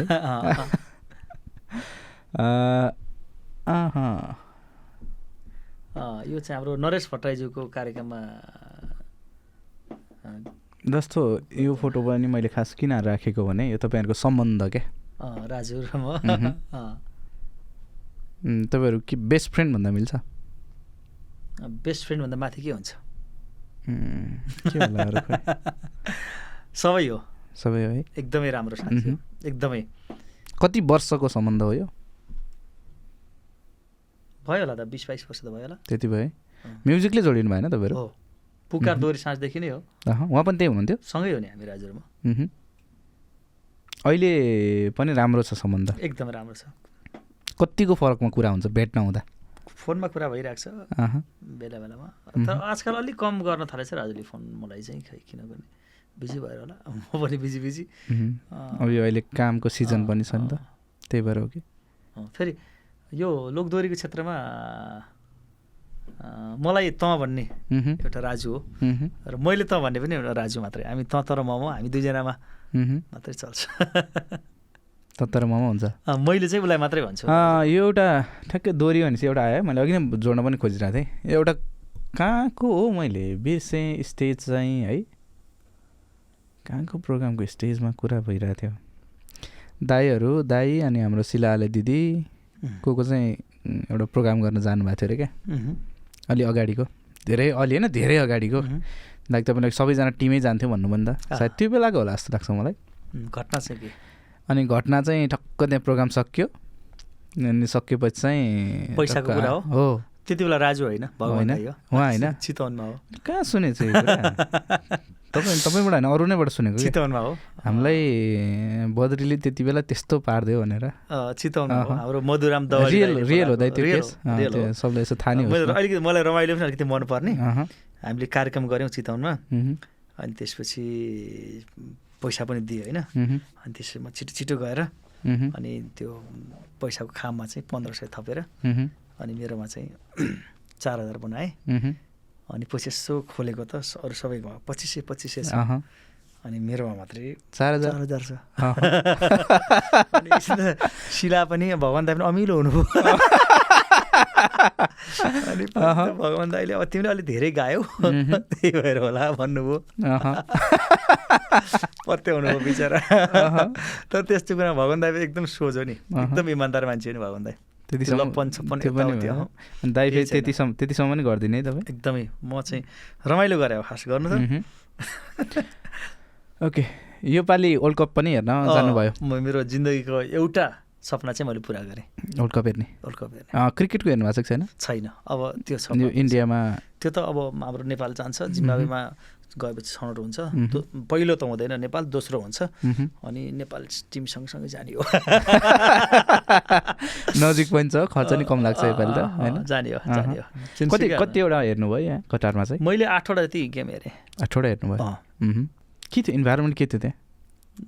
एकदम अकल्पनीय मैले है? सोचेँ भन्दा फरक। मलाई अझै अचम्म लाग्यो त के भने त्यो कतारीहरू त्यस्तो टाइट होइन उनीहरूको रुल्स कस्तो। टाइट छ नि। तर पनि त्यति बेला सबै एकदम स्वतस्फूर्त मह्म। अम, रङ्गशालामा गएको छ हामीलाई पुरै त्यो के अरे खजुरहरू। अनि कसैले कफी पुरै फ्रीमा बाँडेको छ त्यहाँ? जाँदाखेरि होइन उनीहरूले कस्तो के म त अचम्म लाग्यो कि अब उनीहरूसँग त्यस्तो एउटा देशप्रतिको होइन आफ्नो। देशमा भएको कार्यक्रमलाई सफल बनाउने कत्रो चाहना कि? त्यही त। कस्तो राम्रो कि? त्यो तर ग्रान्ड सक्सेस भयो कप सिक्नुपर्ने। तर त्यो त्यो सक्सेस गर्न त नेपालीको ठुलो भूमिका हो। त्यसले फेरि एउटा ए यो हाम्रो एसियामा पनि एउटा छुट्टै चाम डेभलप गर्यो नि फुटबलमा होइन होइन। जस्तो रोनाल्डो यता साउदी अरब आएर खेल्नु। वर्ल्ड कप कटारमा हुनु। राम्रो कुरा। होइन मैले रोनाल्डो मन पर्नुको कारण त्यो पनि हो मलाई मलाई चाहिँ। त्यहाँ पैसाको कुरा पैसामा गयो भन्ने कुरा छ। पैसै मात्रै पनि त होइन नि त। होइन रोनाल्डोले चाह्यो भने त ल ठिक छ बरु म कम पैसामा खेल्छु। तर मलाई राम्रो टिममा खेला। ऊ त म सित्तामै खेल- खेल्छु भने नि पुग्ने भइसक्यो मान्छे होइन? त्यही त त्यही त छ नि। तर उसले खास डोनेसनमा जुन भूमिका छ। रोनाल्डोको एसियामा आएर चाहिँ खेलिदियो त्यो ठुलो कुरो हो क्या। धेरै। यो चाहिँ दाइको यो त अस्ति भर्खरको हो दाङको हो यो दाङको लमै। महोत्सवमा। हाम्रो विनोद बुढाथोकी भाइले बोलाएको कार्यक्रम। कति पर परबाट पनि हेर्नु न कति। धेरै थियो यो मह्म। मान्छे। बाल हात। मिलाउनको लागि कहाँ कहाँबाट ट्राई गरेर ओके सो अघि ठ्याक्कै त्यो फ्यामिली फोटोमा पनि कुरा आइरहेको थियो बिहानीको। बिहानी कमरेड बिहानी। म त म त जिस्काउँछु छोरीलाई बिहानी कमरेडै हो छोरी कमरेड भन्छु म। अब अलिक बढी पोलिटिक्समा रुचि राख्छ अस्ति भर्खरै मात्रै अ, अनुराग सुबीको केन्द्रीय सदस्य पनि जितेको छ। हजुर। रुचि राख्छ उसले। सानैदेखि नै म म गीत सङ्गीतमा राखे जस्तै उसले अलिकति पोलिटिक्समा बढी रुचि राख्ने भएको हुनाले मैले। ठिकै छ रुचि अनुसार बच्चालाई चाहिँ रुचि के हो त्यही अनुसार अगाडि बढ्न जानु। बढ्नुपर्छ भन्ने लाग्छ। भोलि। होइन मलाई यो मन परेन म अरू कुनै क्षेत्रमा लाग्छु भन्छ भने पनि म म्युजिकपट्टि चाहिँ इन्ट्रेस्ट छैन? नो। छैन पहिल्यैदेखि छैन। पहिला सानो सानो अलिअलि गाउँथ्यो। अहिले छैन। ओके।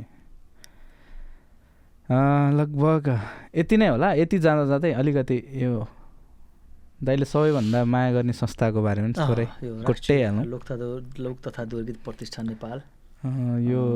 साल चाहिँ रहेन रहेछ है? कति सालको अधिवेशन हो यो? योभन्दा त्रिहत्तरको होला। छ वर्ष अगाडि। उम्, तिहत्तरै भयो।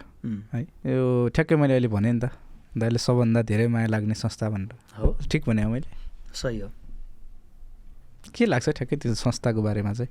त्यो किन पनि भने मैले चाहिँ सरसर्ती हेर्दा तपाईँ लगायत अन्य धेरैजना. जो जोसँग म नजिक छु जो त्यो संस्थामा पनि आबद्ध हुनुहुन्छ दोहोरी प्रतिष्ठानमा त्यो प्रोग्राम छोडिदिने क्या हो। सबैले गर्छ नि त चाहिँ संस्थाको कार्यक्रम छ। भनेपछि त जतिसुकै। ठुलो प्रोग्राम अरू प्रोग्राम भए पनि कमर्सियल प्रोग्राम जति पैसा आउने भए पनि। छोड्छौँ नि हामी त्यो कतिपयलाई कतिपयलाई थाहा। छैन कि कतिपयले के बुझ्छ भने। दुईवटा कुरा म यहाँ खोलौँ आज मैले हजुर दुईवटा भ्रम एउटा के छ भने एउटा भ्रम चाहिँ अ, बद्री पङ्गली स्वयं पनि एमाले मै पनि एमाले गीत गाएर धेरै पैसा पायो कमायो भन्ने एउटा भ्रम छ नि। त्यसमा सत्य के हो भने त्यो गीत गाए बापत मैले एक कप चिया पनि खाएको होइन। खाएको छैन र एक पैसा पनि लिएको छैन लिएको होइन। एउटा आजसम्म आजसम्म यो म। प्रश्न पार्न चाहन्छु र अर्को दोहोरगीत प्रतिष्ठानको अध्यक्ष हुँदाखेरि त राम्रै थियो होला नि तलब राम्रै कमाइ होला नि भन्छ। कतिपयले। प्रतिष्ठानमा म मात्रै होइन संस्थापक अध्यक्ष अमरवीर गुरुङदेखि लिएर अहिलेको। अध्यक्ष रिता थापासम्म। कसैले पनि त्यहाँबाट एक पैसा पाउने होइन उल्टै आफ्नो जाने हो। हामीले अझै म अध्यक्ष हुँदाखेरि त हामीले मैले चिया पैसा पनि मिटिङमा उपस्थित हुनेसँग चाहिँ उठाउँथेँ मैले संस्थाको चिया पनि नखाने भनेर। होइन त्यस कारण कसैले पनि त्यहाँ तलब पाउने पनि होइन भत्ता पाउने पनि होइन केही राज्यले केही दिने पनि होइन। खालि एउटा हाम्रो कला र संस्कृतिको संरक्षणका लागि हाम्रो लोकदोहोरीको चाहिँ प्रवर्तनका लागि। एउटा चाहिँ सङ्गठित हुने एउटा चाहिँ संस्थागत हुने चाहना अनुसार त्यहाँ हामीले सबै दुःख गर्ने हो हामी। हेर्दाखेरि त कति दुःख त्यहाँ भयङ्करै रहेछ कि जस्तो हुन्छ नि। तर त्यहाँ गएर कस्तो भने पैसा तिरेर दुःखद बेसाउने पैसा। तिरेर गाली किन्ने। ठाउँ हो त्यो दुर्गीत प्रतिष्ठान नेपाल भनेको त्यहाँ जति गरे पनि जस चाहिँ पाइँदैन फेरि। होइन तर आजसम्म त्यहाँ कसैले पनि त्यहाँ पाएको चाहिँ केही होइन पाएको माया हो आत्मसन्तुष्टि हो सम्मान हो तर आर्थिकको पाटोमा चाहिँ त्यहाँ तल भत्ता। यताउति केही पनि होइन त्यही त मुख्य कुरा चाहिँ के भने लाइक तपाईँ जस्तै अरू कलाकारहरू जो जो त्यहाँ आबद्ध हुनुहुन्छ कला म्याक्सिमम् त कलाकार नै त हुनुहुन्छ होइन त्यो। रिलेटेड अरू कोही हुनुहुन्छ होला तथापि कलाकारहरू भनेको त एक दिनको समय पनि कतै इन्भेस्ट गर्यो भने इकोनोमिकल्ली हेर्ने हो भने पनि केही न केही आम्दानी हुने मै त्यो समय बिताउन सक्ने पेसा हो त्यो छोडेर संस्थामा जाने जस्तो छोडेर म अध्यक्ष। हुँदाखेरि म यति बिजी थिएँ कि मैले कति प्रोग्रामहरू छोडेँ कि मैले। देशको विदेशको कति प्रोग्रामहरू मैले आपेर अब संस्थाको जस्तो अब साधारण सभा आउँछ त्यसको तयारी गर्नु पर्यो हो। होइन महाधिवेशन आउँछ त्यसको तयारी गर्नु पर्यो। अरू विभिन्न चाहिँ वार्षिक क्यालेन्डर अनुसारका कार्यक्रमहरू हुन्छन् दोहोरी। प्रतियोगिता हुन्छन् लोकगीत प्रतियोगिता हुन्छन्। होइन अरू विभिन्न चाहिँ जिल्ला जिल्लाको अधिवेशनहरू हुन्छन्। ती सबैमा जानै पर्यो त्यहाँ जाँदाखेरि चाहिँ मैले र म म जस्तै अरू धेरै साथीहरूले। आफ्नो व्यावसायिक जीवनलाई र आफ्नो चाहिँ व्यक्तिगत जीवनलाई एकातिर सारेर नै संस्थाको लागि चाहिँ काम गर्ने हो त्यो- सब काम गरियो या गरिएन त आफ्नो ठाउँमा छ। तर समय चाहिँ दिएकै हो। त्यो चाहिँ मैले नि मान्छु क्या। कतिजना त्यहाँ हो अस्ति हामी उता दोलखा जाँदाखेरि हाम्रो रमेश राज भट्टराई दाई हामी अरू थियौँ अनि त्यहाँ एकजना अर्को एकजना नै आर्टिस्ट हुनुहुन्थ्यो। उहाँले ठ्याक्कै के भन्नुभयो भने "उम्, यो रमेश भाइ यो प्रतिष्ठानमा चाहिँ के हुन्छ तलब भत्ता? ठ्याक्कै तपाईँले भने जस्तै कुरा कि धेरैले त्यो। भ्रम पनि छ तथापि त्यो संस्थाको मायाको लागि चाहिँ त्यस्तो खटेको कुदेको समय दिएको देख्दाखेरि चाहिँ लाइक एउटा हुन्छ नि सबैले समेट्ने त्यहाँ सबैले नै त्यहाँको। सदस्यदेखि लिएर। अध्यक्षसम्म सबैले नै समय त त्यहाँ दिएको छ नै छ। होइन र धेरै थोरै आर्थिक रूपमा पनि त्यहाँ गुमाउने नै हो पाउने होइन यसरी। बुझाउन सिधा। भाषामा ओके अ, धेरै कुरा गर्दै आइयो होइन? ठ्याक्कै एउटा कुरा चाहिँ छुट्यो कि जस्तो लाग्यो। सुसेलीको कुरा चाहिँ छुट्यो कि जस्तो लाग्यो? पहिलो मेरो मैले कार्यक्रम चलाउने कार्यक्रम? किनभने भने अब दाइ र दाईको त्यो क्षेत्र र मेरो क्षेत्र। हो। एउटै एउटै पनि भएको दाई फेरि यता हाम्रो उसमा पनि होस्ट नै हुनुभयो दोहोरी। च्याम्पियनमा पनि। हो। होइन? त्यो बिचमा अर्को एउटा दोहोरीमा पनि हुनुभयो। मैले मैले सुरुमा सुसेली कार्यक्रम चलाएँ। हजुर। नेपाल टेलिभिजनमा। धेरै एपिसोड चलाएँ नि मैले त्यो। त ठ्याक्कै बिर्सेँ अहिले मैले। फेरि अनि त्यस पछाडि गएर लोकदोहोरी चलाएँ। हजुर। होइन? हजुर। एनटिभीकै। मह्म, त्यसपछि गएर मैले इमेज च्यानलमा खेलौँ दोहोरी चलाएँ। धेरै नै समय। हजुर। त्यसपछि अहिले पछिल्लो समय दोहोरी च्याम्पियन च्याम्पियन। वान। हामीले सिजन वान अब सिजन टूको तयारी हुँदैछ। त्यो आउँदैछ? त्यो आउँदैछ। म छु। म छु। भनेको मेरो एउटा चाहिँ त्यो फरक पाटो भनौँ न। मेरो गायन हो खास त। यो कार्यक्रम प्रस्तुताको रूपमा। पनि एउटा होस्टको रूपमा पनि। म जानी नजाने। ठ्याक्कै सोधिहालेँ। त्यो लाइक तपाईँ त्यो स्टेजमा क्या? एज अ त्यो होस्ट भएर जाँदाखेरि मार अँ, अ, चाहिँ प्रस त्यो पर्फर्मर भएर जाँदाखेरि। गायक भएर जाँदाखेरिमा चाहिँ? कुन चाहिँ अलिक बढी मजा आउँछ तपाईँलाई आफैलाई चाहिँ होइन मजा त अब गायक भएरै आउँदा जाँदा हुन्छ नि त गायक। भएर जाँदा अब आफ्नो प्रस्तुति राख्यो हिँड्यो सकियो तर। होस्ट हुँदा त्यहाँ धेरै भूमिका हुन्छ। होइन जस्तो अब दोहोरी च्याम्पियनमै पनि अब मैले अब धेरै कुराहरू मिलाउनु पर्ने। थियो जस्तो अब कलाकार खोज्नुपर्ने बाजा। साजा यताउति होइन अब होस्ट भइसकेपछि अब डाइरेक्टरको उस। अन्डरमा बस्नु पऱ्यो अलिक बढी रेस्पोन्सिबिलिटी पनि अनि अनि अनि त्यसले गर्दाखेरि। गाह्रो हुन्छ होस्ट हुनु। गाह्रो हुन्छ म स्टेजहरूमा पनि मैले देख्छु नि जस्तो शोभा त्रिपाठी मन्जु पौडेल होइन। हाम्रो बहिनीहरू जस्तो तपाईँ अनि उमा बहिनीहरू शीतल शीतल शर्मा। अनि उनीहरूले यस्तो थाक्छ कि बिचरा मलाई माया लाग्छ भने कि। हामी त सर जान्छौँ बढी गयो भने एक घन्टा। गयो ससुरालीमा भन्यो चिच्यायो होइन हिँड्यो गर्छौँ तर अनि त्यो बहिनीहरू तपाईँहरू बिहानदेखि साँझसम्म कराउँछ कराउँछ है। अनि साँझ होटलमा जाने बेलामा सबैको अनुहार हेर्छु कस्तो माया लाग्छ कि। त्यसले गर्दाखेरि गाउनुभन्दा बोल्नु चाहिँ गाह्रो हुन्छ। गाह्रो पनि भयो। ठ्याक्कै कुरा निक्लिहाल्यो होइन। अब यो खास त दाईको कुरा सुन्न आएको फेरि आफ्नो सुन्न भन्ने जस्तो नै होला। त ठ्याक्कै यो होस्टहरूको कुरा आइरहँदाखेरि क्या मेनली हाम्रो चाहिँ कस्तो पनि हुन्छ। मैले फिल गरेको अस्ति एकजनासँग यता नेपाल भन्छ कि कोहलपुर कोहलपुर कोहलपुरमा भेट हुँदा पनि यो कुरा भएको थियो क्या। अब त्यो बोल्न पर्ने त त्यो काम नै भइगयो त्यो रेस्पोन्सिबिलिटी भयो ड्युटी भयो त्यो गर्न पऱ्यो नि त होइन। मैले उहाँलाई भनेको थिएँ क्या। अनि चाहिँ घाँटीको रोग चाहिँ आउँछ होला है भन्दै हुनुहुन्थ्यो। अनि मैले घाँटीको होइन चाँडो आयो भने चाहिँ किडनीको आउँछ भनेको मैले मलाई किन? किनभने त्यो महोत्सवहरूमा जाँदा क्या दाइ एघार बाह्र बजे लगभग नर्मल्ली स्टेज चढिन्छ। हो? स्टेज चढेपछि प्रोग्राम सुरु हुन्छ। एउटा पर्फर्मेन्स त्यो नेसनल आर्टिस्टभन्दा अगाडिको पर्फर्मेन्सहरू त त्यो पाँच मिनट दस मिनट त्यस्तै त्यस्तै आसपास हुन्छ त्यो बेला स्टेज छोड्ने चान्स नै मिल्दैन। नेसनल आर्टिस्ट आइसकेपछि एउटा छुट्टै प्रेसर हुन्छ त्यहाँ। आर्टिस्ट हुन्छ त्यो के। होला भन्ने हुन्छ त्यही बेला गेस्टहरू आइरह हुन्छ त्यही बेला अर्गनाइजरको अर्को फेरि छुट्टै उनीहरूलाई प्रेसर भइरह हुन्छ। त्यो जानै पाइँदैन क्या दाइ। एघार बजी गएको मान्छे अहिले नर्मल्ली महोत्सव चल्ने भनेको चाँडो बन्द हुने ठाउँमा पनि छ बजीसम्म। नत्र आठ नौ। काहीँ त दस एघार नै बज्छ। होइन अनि त्यो हुँदाखेरि त घाँटी भन्दा नि पहिला चाहिँ समस्या त किडनीकै आउने जस्तो देखेँ मैले त। अनि मैले मलाई त्यो भनेको थिएँ अँ कति गाह्रो छ है भन्नु। गाह्रै छ एकदम गाह्रो छैन। होस्टहरूलाई एकदम गाह्रो छ नि। भनेपछि जस गाह्रो म आफू पनि म- आफू। पनि होस्ट गर्ने भयो हुनाले त्यो म बुझ्छु। कहिले काहीँ त कस्तो हुन्छ भने आयोजक आयोजक बिचको मनमुटाव हुन्छ कि।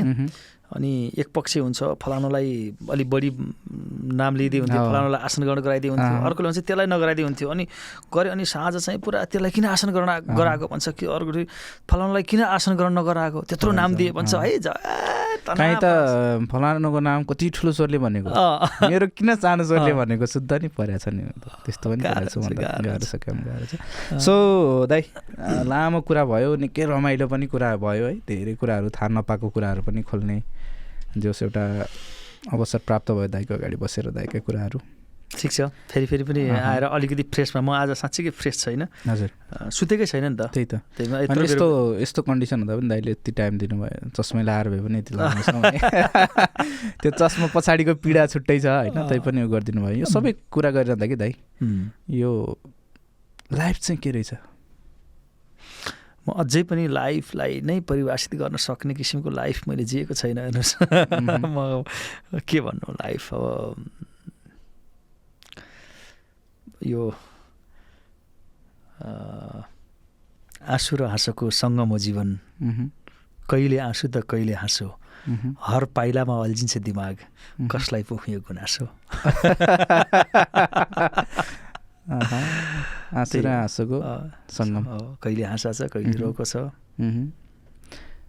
यो इन्टायर जर्नीको कुरा गरिरहँदाखेरि त्यस्तो. कुनै मोमेन्ट वा त्यस्तो कुनै व्यक्ति जसले गर्दा चाहिँ आज म बद्री पङ्गेनी भएँ भन्ने छ कोही धेरै हुनुहुन्छ नि त्यो त धेरै हुनुहुन्छ जस्तो मैले अघि भने स्वर्गीय खेम राणा भने। होइन अब सबभन्दा त मेरो घर परिवार नै मेरो बुवा आमाहरू होइन भाइ बहिनी दिदी। उहाँहरू नै हुनुभयो। अनि आदरणीय दाई भगवान् भण्डारी होइन अनि अनि हिजो मात्रै हामीले अन्तिम विदाई गऱ्यौँ राजेन्द्र लम्साल छेत्री अनि धौलागिरी क्यासे सेन्टर।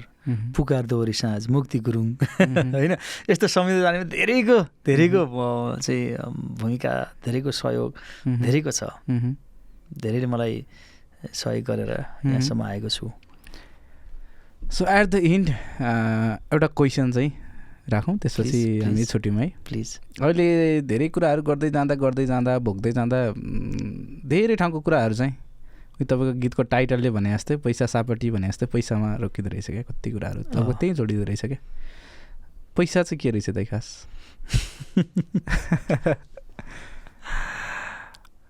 अँ, यो पैसा यो असन्तुष्टिको पोको हो यो। नभएर पनि भएन हुनै पर्यो। भएर पनि मान्छे कहिले खुसी हुँदो रहेछ। मेरै कुरा गर्नु छ भने कहिले शनिबार आउला अनि पुकार दोहोरी साँझमा मासु खान पाइएला भन्ने जिन्दगी पनि कति रमाइलो थियो। है? कति रमाइलो थियो नि त त्यो। जिन्दगी पनि। र अब अहिले अब मासु भात खानैलाई त अब मैले मात्र होइन धेरै नेपालीले त्यति धेरै सोच्नु पर्दैन नि। र पनि त्यस्तै छ। र पैसा अब हिजो त्यो विक्रम टेम्पोमा हिँड्दाखेरि पनि खुसी नै थिएँ।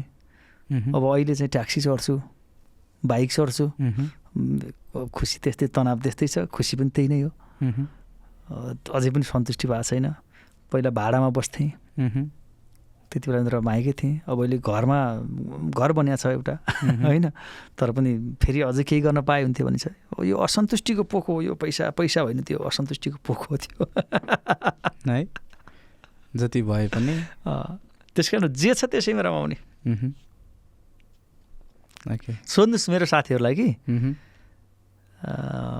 मेरो एउटा त्यो चाहिँ छ। म चाहिँ ओहो यस्तो कमाउनु पायो यस्तो भएन उस्तो भएन। म त्यस विषयमा चाहिँ म अत्तालिन्न है कहिले पनि अत्तालिन्न मेरो आफ्नो व्यक्तिगत जीवन। म अत्तालिन्छु कहाँनिर भने देश कहिले बन्ला? होइन? जस्तो म आफूलाई फिल हुने कुरा हो नि त। त्यो भैरवाको एयरपोर्ट कहिले बन्ला? त्यो पोखराको एयरपोर्ट कहिले बन्ला? यो फास्ट ट्र्याक कहिले बन्ला? यो सुरुङ मार्ग कहिले बन्ला? भनेर सायद म जतिको अरू कोही पिरलिन्छ जस्तै लाग्दैन क्या मलाई। आफैलाई एकदम आतुर हुन्छ के? अनि त्यो भैरवाको एयरपोर्ट बन्दै गर्दाखेरि म जति पटक त्यहाँ जान्थेँ अलिक समय रह्यो भने म हेर्न गइहाल्थेँ गयो नि एकचोटि ओपनिङ हुनुभन्दा अगाडि। हो। उता बर्दघाट जानु अगाडि। हो म म होइन सँगै गएको थिएँ नि त। म गइ नै हाल्थेँ कि। अनि यो यो देश कहिले बन्ला भन्ने चाहिँ एकदमै के जस्तो हजुरको त्यो डोल्पा अहिले त बल्ल बल्ल ट्र्याक खुल्या छ होइन।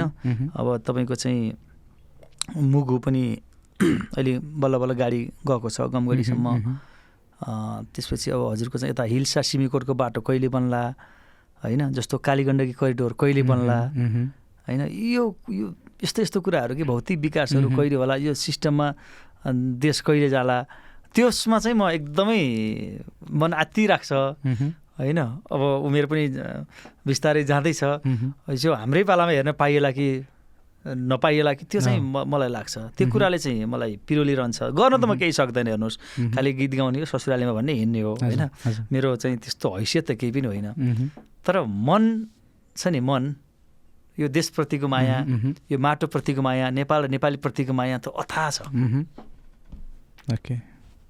त्यसमा चाहिँ म चिन्तित हुन्छु। सोचिराखेका हुन्छु। यस्तो गर्न पाए हुन्थ्यो। होइन जस्तो अस्ति पोखरा गएँ अनि पोखरा एयरपोर्टबाट ल्यान्ड भएर अनि खाजा खान गएको थियौँ हामी।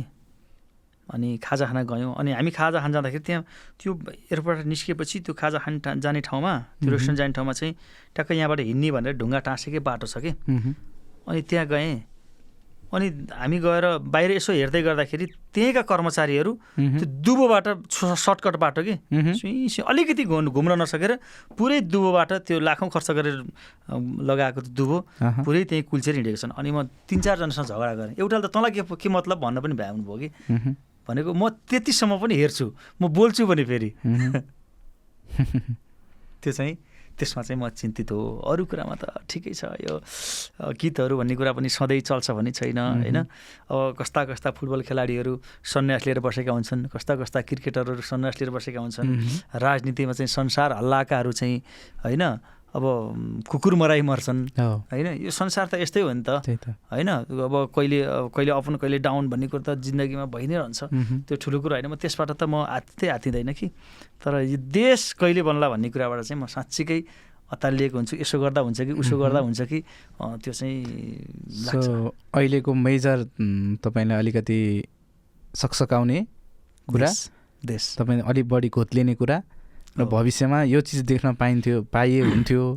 भन्ने कुरा चाहिँ देश सम्बन्धी म म विकास चाहिँ मैले सम्बन्धी क्रिकेट फुटबल गेममा मैले बढी चाहिँ फोकस गर्ने कारण पनि त्यही हो कि। म त्यहाँ मैले साँच्चीको राष्ट्रियता त्यहाँ पाउँछु कि। साँच्चीको एकता साँच्चीकै नेपाली त्यहाँ भेटिन्छ कि। बाहिर त काङ्ग्रेस भेटिन्छ एमाले भेटिन्छ माओवादी भेटिन्छ। अहिले स्वतन्त्र पनि भेटिँदैछन्। होइन सबै त्यस्तै त भेटिन्छन् नि। मलाई पनि त्यस्तै ट्याग लगाइदिन्छन् जब दौरा सुरुवाल लगाएर राष्ट्रिय झन्डा बोकेर म स्टेडियममा पुग्छु। त्यहाँ मात्रै मैले पुरै नेपाली देख्छु कि। पुरै नेपाली म आफूलाई पनि पुरै नेपाली भएको फिल हुन्छ। त्यस कारण पनि म कुनै पनि गेम नछोड्नु कारण म कार्यक्रमै हापेर पनि गेम हेर्नु जानुको कारण भनेको। पुरै नेपाली हेर्नलाई जाने पनि हो त्यहाँ म त्यो अस्तिको इन्भाइरोमेन्ट हो अहिले फोटो हेर्दा पनि। कति आनन्द आउँछ है तर अलिकति अनुशासन चाहिँ हामीले धेरै गुमाउँदै गएका। छौँ है मलाई सबैभन्दा चाहिँ अस्ति सबै रमाइलो लाग्यो तर एउटा नमजा मलाई के लाग्यो भने त्यो हाम्रा दिदीबहिनीहरू। नेपालमा महिलाको अवस्था के छ। चेली छोरीहरूको अवस्था के छ दिदी बहिनीको अवस्था के छ भन्ने कुरा अस्तिको क्रिकेट ग्राउन्डमा देखेँ मैले। टियुमा देखेँ। एउटा एक जस्तो बहिनीहरूको त्यहाँबाट हिँड्यो भने के अरे मिस नेपाल मिस नेपाल भनेर जिस्किएका छन् होइन। ठुलो आवाजमा जिस्किएका छन् के के सिटी लगाएका छन् ताली लगाएका छन् भनेको एक किसिमको घोचपेच गरिराखेका छन्। होइन मैले कतिलाई त मैले कराएँ पनि होइन के गरे यस्तो यस्तो गर्नु मिल्छ भने भने। कति चुप पनि लागे तर त्यत्रो मासलाई चुप लगाउँदा सकिँदैन। तर महिलाले नेपालमा अझै पनि कस्तो जिन्दगी जिएको छ भन्ने एउटा ज्वलन्त उदाहरण। अस्ति टियुमा मैले देखेँ। रङ्गशालामा त्यस्तो फुटबलमा मैले त्यति देखेको थिइनँ अस्ति टियुमा चाहिँ देखेँ मेरो बिन्ती छ म चाहिँ फुटबल क्रिकेट प्रेमी दाजुभाइ दिदीबहिनीहरूलाई खास गरी दाजुभाइहरूलाई। हामीले त्यो चाहिँ सुधार्नुपर्छ है। त्यो धेरै कुरा अहिले उठि पनि रहेछ त्यति बेलाको। लाइक हाम्रो एउटा क्रेज चाहिँ भयो। तर त्यो अनुशासन। चाहिँ अलिक कम भयो भनेर। किनभने अब हामी यति धेरै डेभलप गर्दैछौँ त्यो ठुल्ठुलो स्टेजहरूमा पुग्दैछौँ होइन? यहाँ त्यही खालको हामीले यहाँ खेल्दा पनि अन्त खेल्दा पनि चाहिँ अब चाहिँ बिग प्लेटफर्महरूमा हामी जाँदैछौँ जो लामो समयदेखि एउटा यो यही गेम कल्चरबाटै हुर्किरहेको देशहरूसँग हामी भिड्दैछौँ भने त्यो एउटा फ्यान बेसमा पनि त्यो खालको कल्चर चाहिँ डेभलप हुनुपर्छ। हो किनभने त्यसले चाहिँ राष्ट्रियता झल्काउने ठाउँ हो नि त त्यो प्लेयर भन्दा पनि त्यो क्राउडले चाहिँ त्यहाँको इन्टायर चिजहरू सो गर्ने हो नि त होइन अहिले त्यत्रो क्राउड त्यो टियुमा उत्रिँदाखेरि त्यो ग्लोबल न्युज भनिरहेको छ नि त हो नि अहिले। हो नि अब त्यस्तो ठाउँमा अब हाम्रा दिदीबहिनीहरूमाथि त्यस्तो। किसिमको व्यवहार त्यस्तो किसिमको बोली। त्यस्तो शोभनीय होइन नि त। होइन त्यसले गर्दा त्यसलाई चाहिँ हामीले सुधार्नुपर्छ. अब त्यहाँ मैले अचम्म त के लाग्यो भने त्यहाँ प्रहरी दाजुभाइहरू पनि कोही नबोल्ने कि त्यस्तो गर्दाखेरि। त्यो फेरि अब त्यहाँ सम्भव नै। छैन क्या त्यो त्यो हामीले अब त्यो नेचरको कुरा। पनि हो संस्कार त्यो भनेको तपाईँ हामी जो जो त्यहाँ जान्छौँ उहाँहरूले बुझ्नुपर्ने कुरा हो होइन? मुख्य कुरा त्यही हो। सो दाइ ओके। तपाईँको यति व्यस्त समयका बावजुद पनि अझै तपाईँ यस्तो रस रसमा दुई दिन दुई रात नसुतिकन ट्राभल गरेर आएर पनि सिधै हामीलाई यसरी समय दिनुभयो। आफ्नो यो जीवनको पुरै कथा व्यथा गाथा सबै खोलिदिनु भयो thank you so much thank you भाइको यो फरक प्रकारको कार्यक्रम। यो कार्यक्रमको म सफलताको कामना गर्दछु thank you thank you so much म जस्ता धेरै कलाकारहरू हुनुहुन्छ। उहाँहरूको अझै रमाइला अझै चाहिँ सन्देशमूलक अझै उपयोगी। अनुभवहरू कुराहरू योगदानहरू ती। सबै कुराहरूलाई पनि तपाईँहरूले यहाँ उजागर गर्नुहोला। र मैले पनि त्यो मौका पाएँ। मसँग रहेका चाहिँ तिता मिठा अनुभवहरू। मैले बोलेँ र कतिपय कुराहरू बोल्न हुने बोलेँ होला कतिपय। नहुने बोलेँ होला।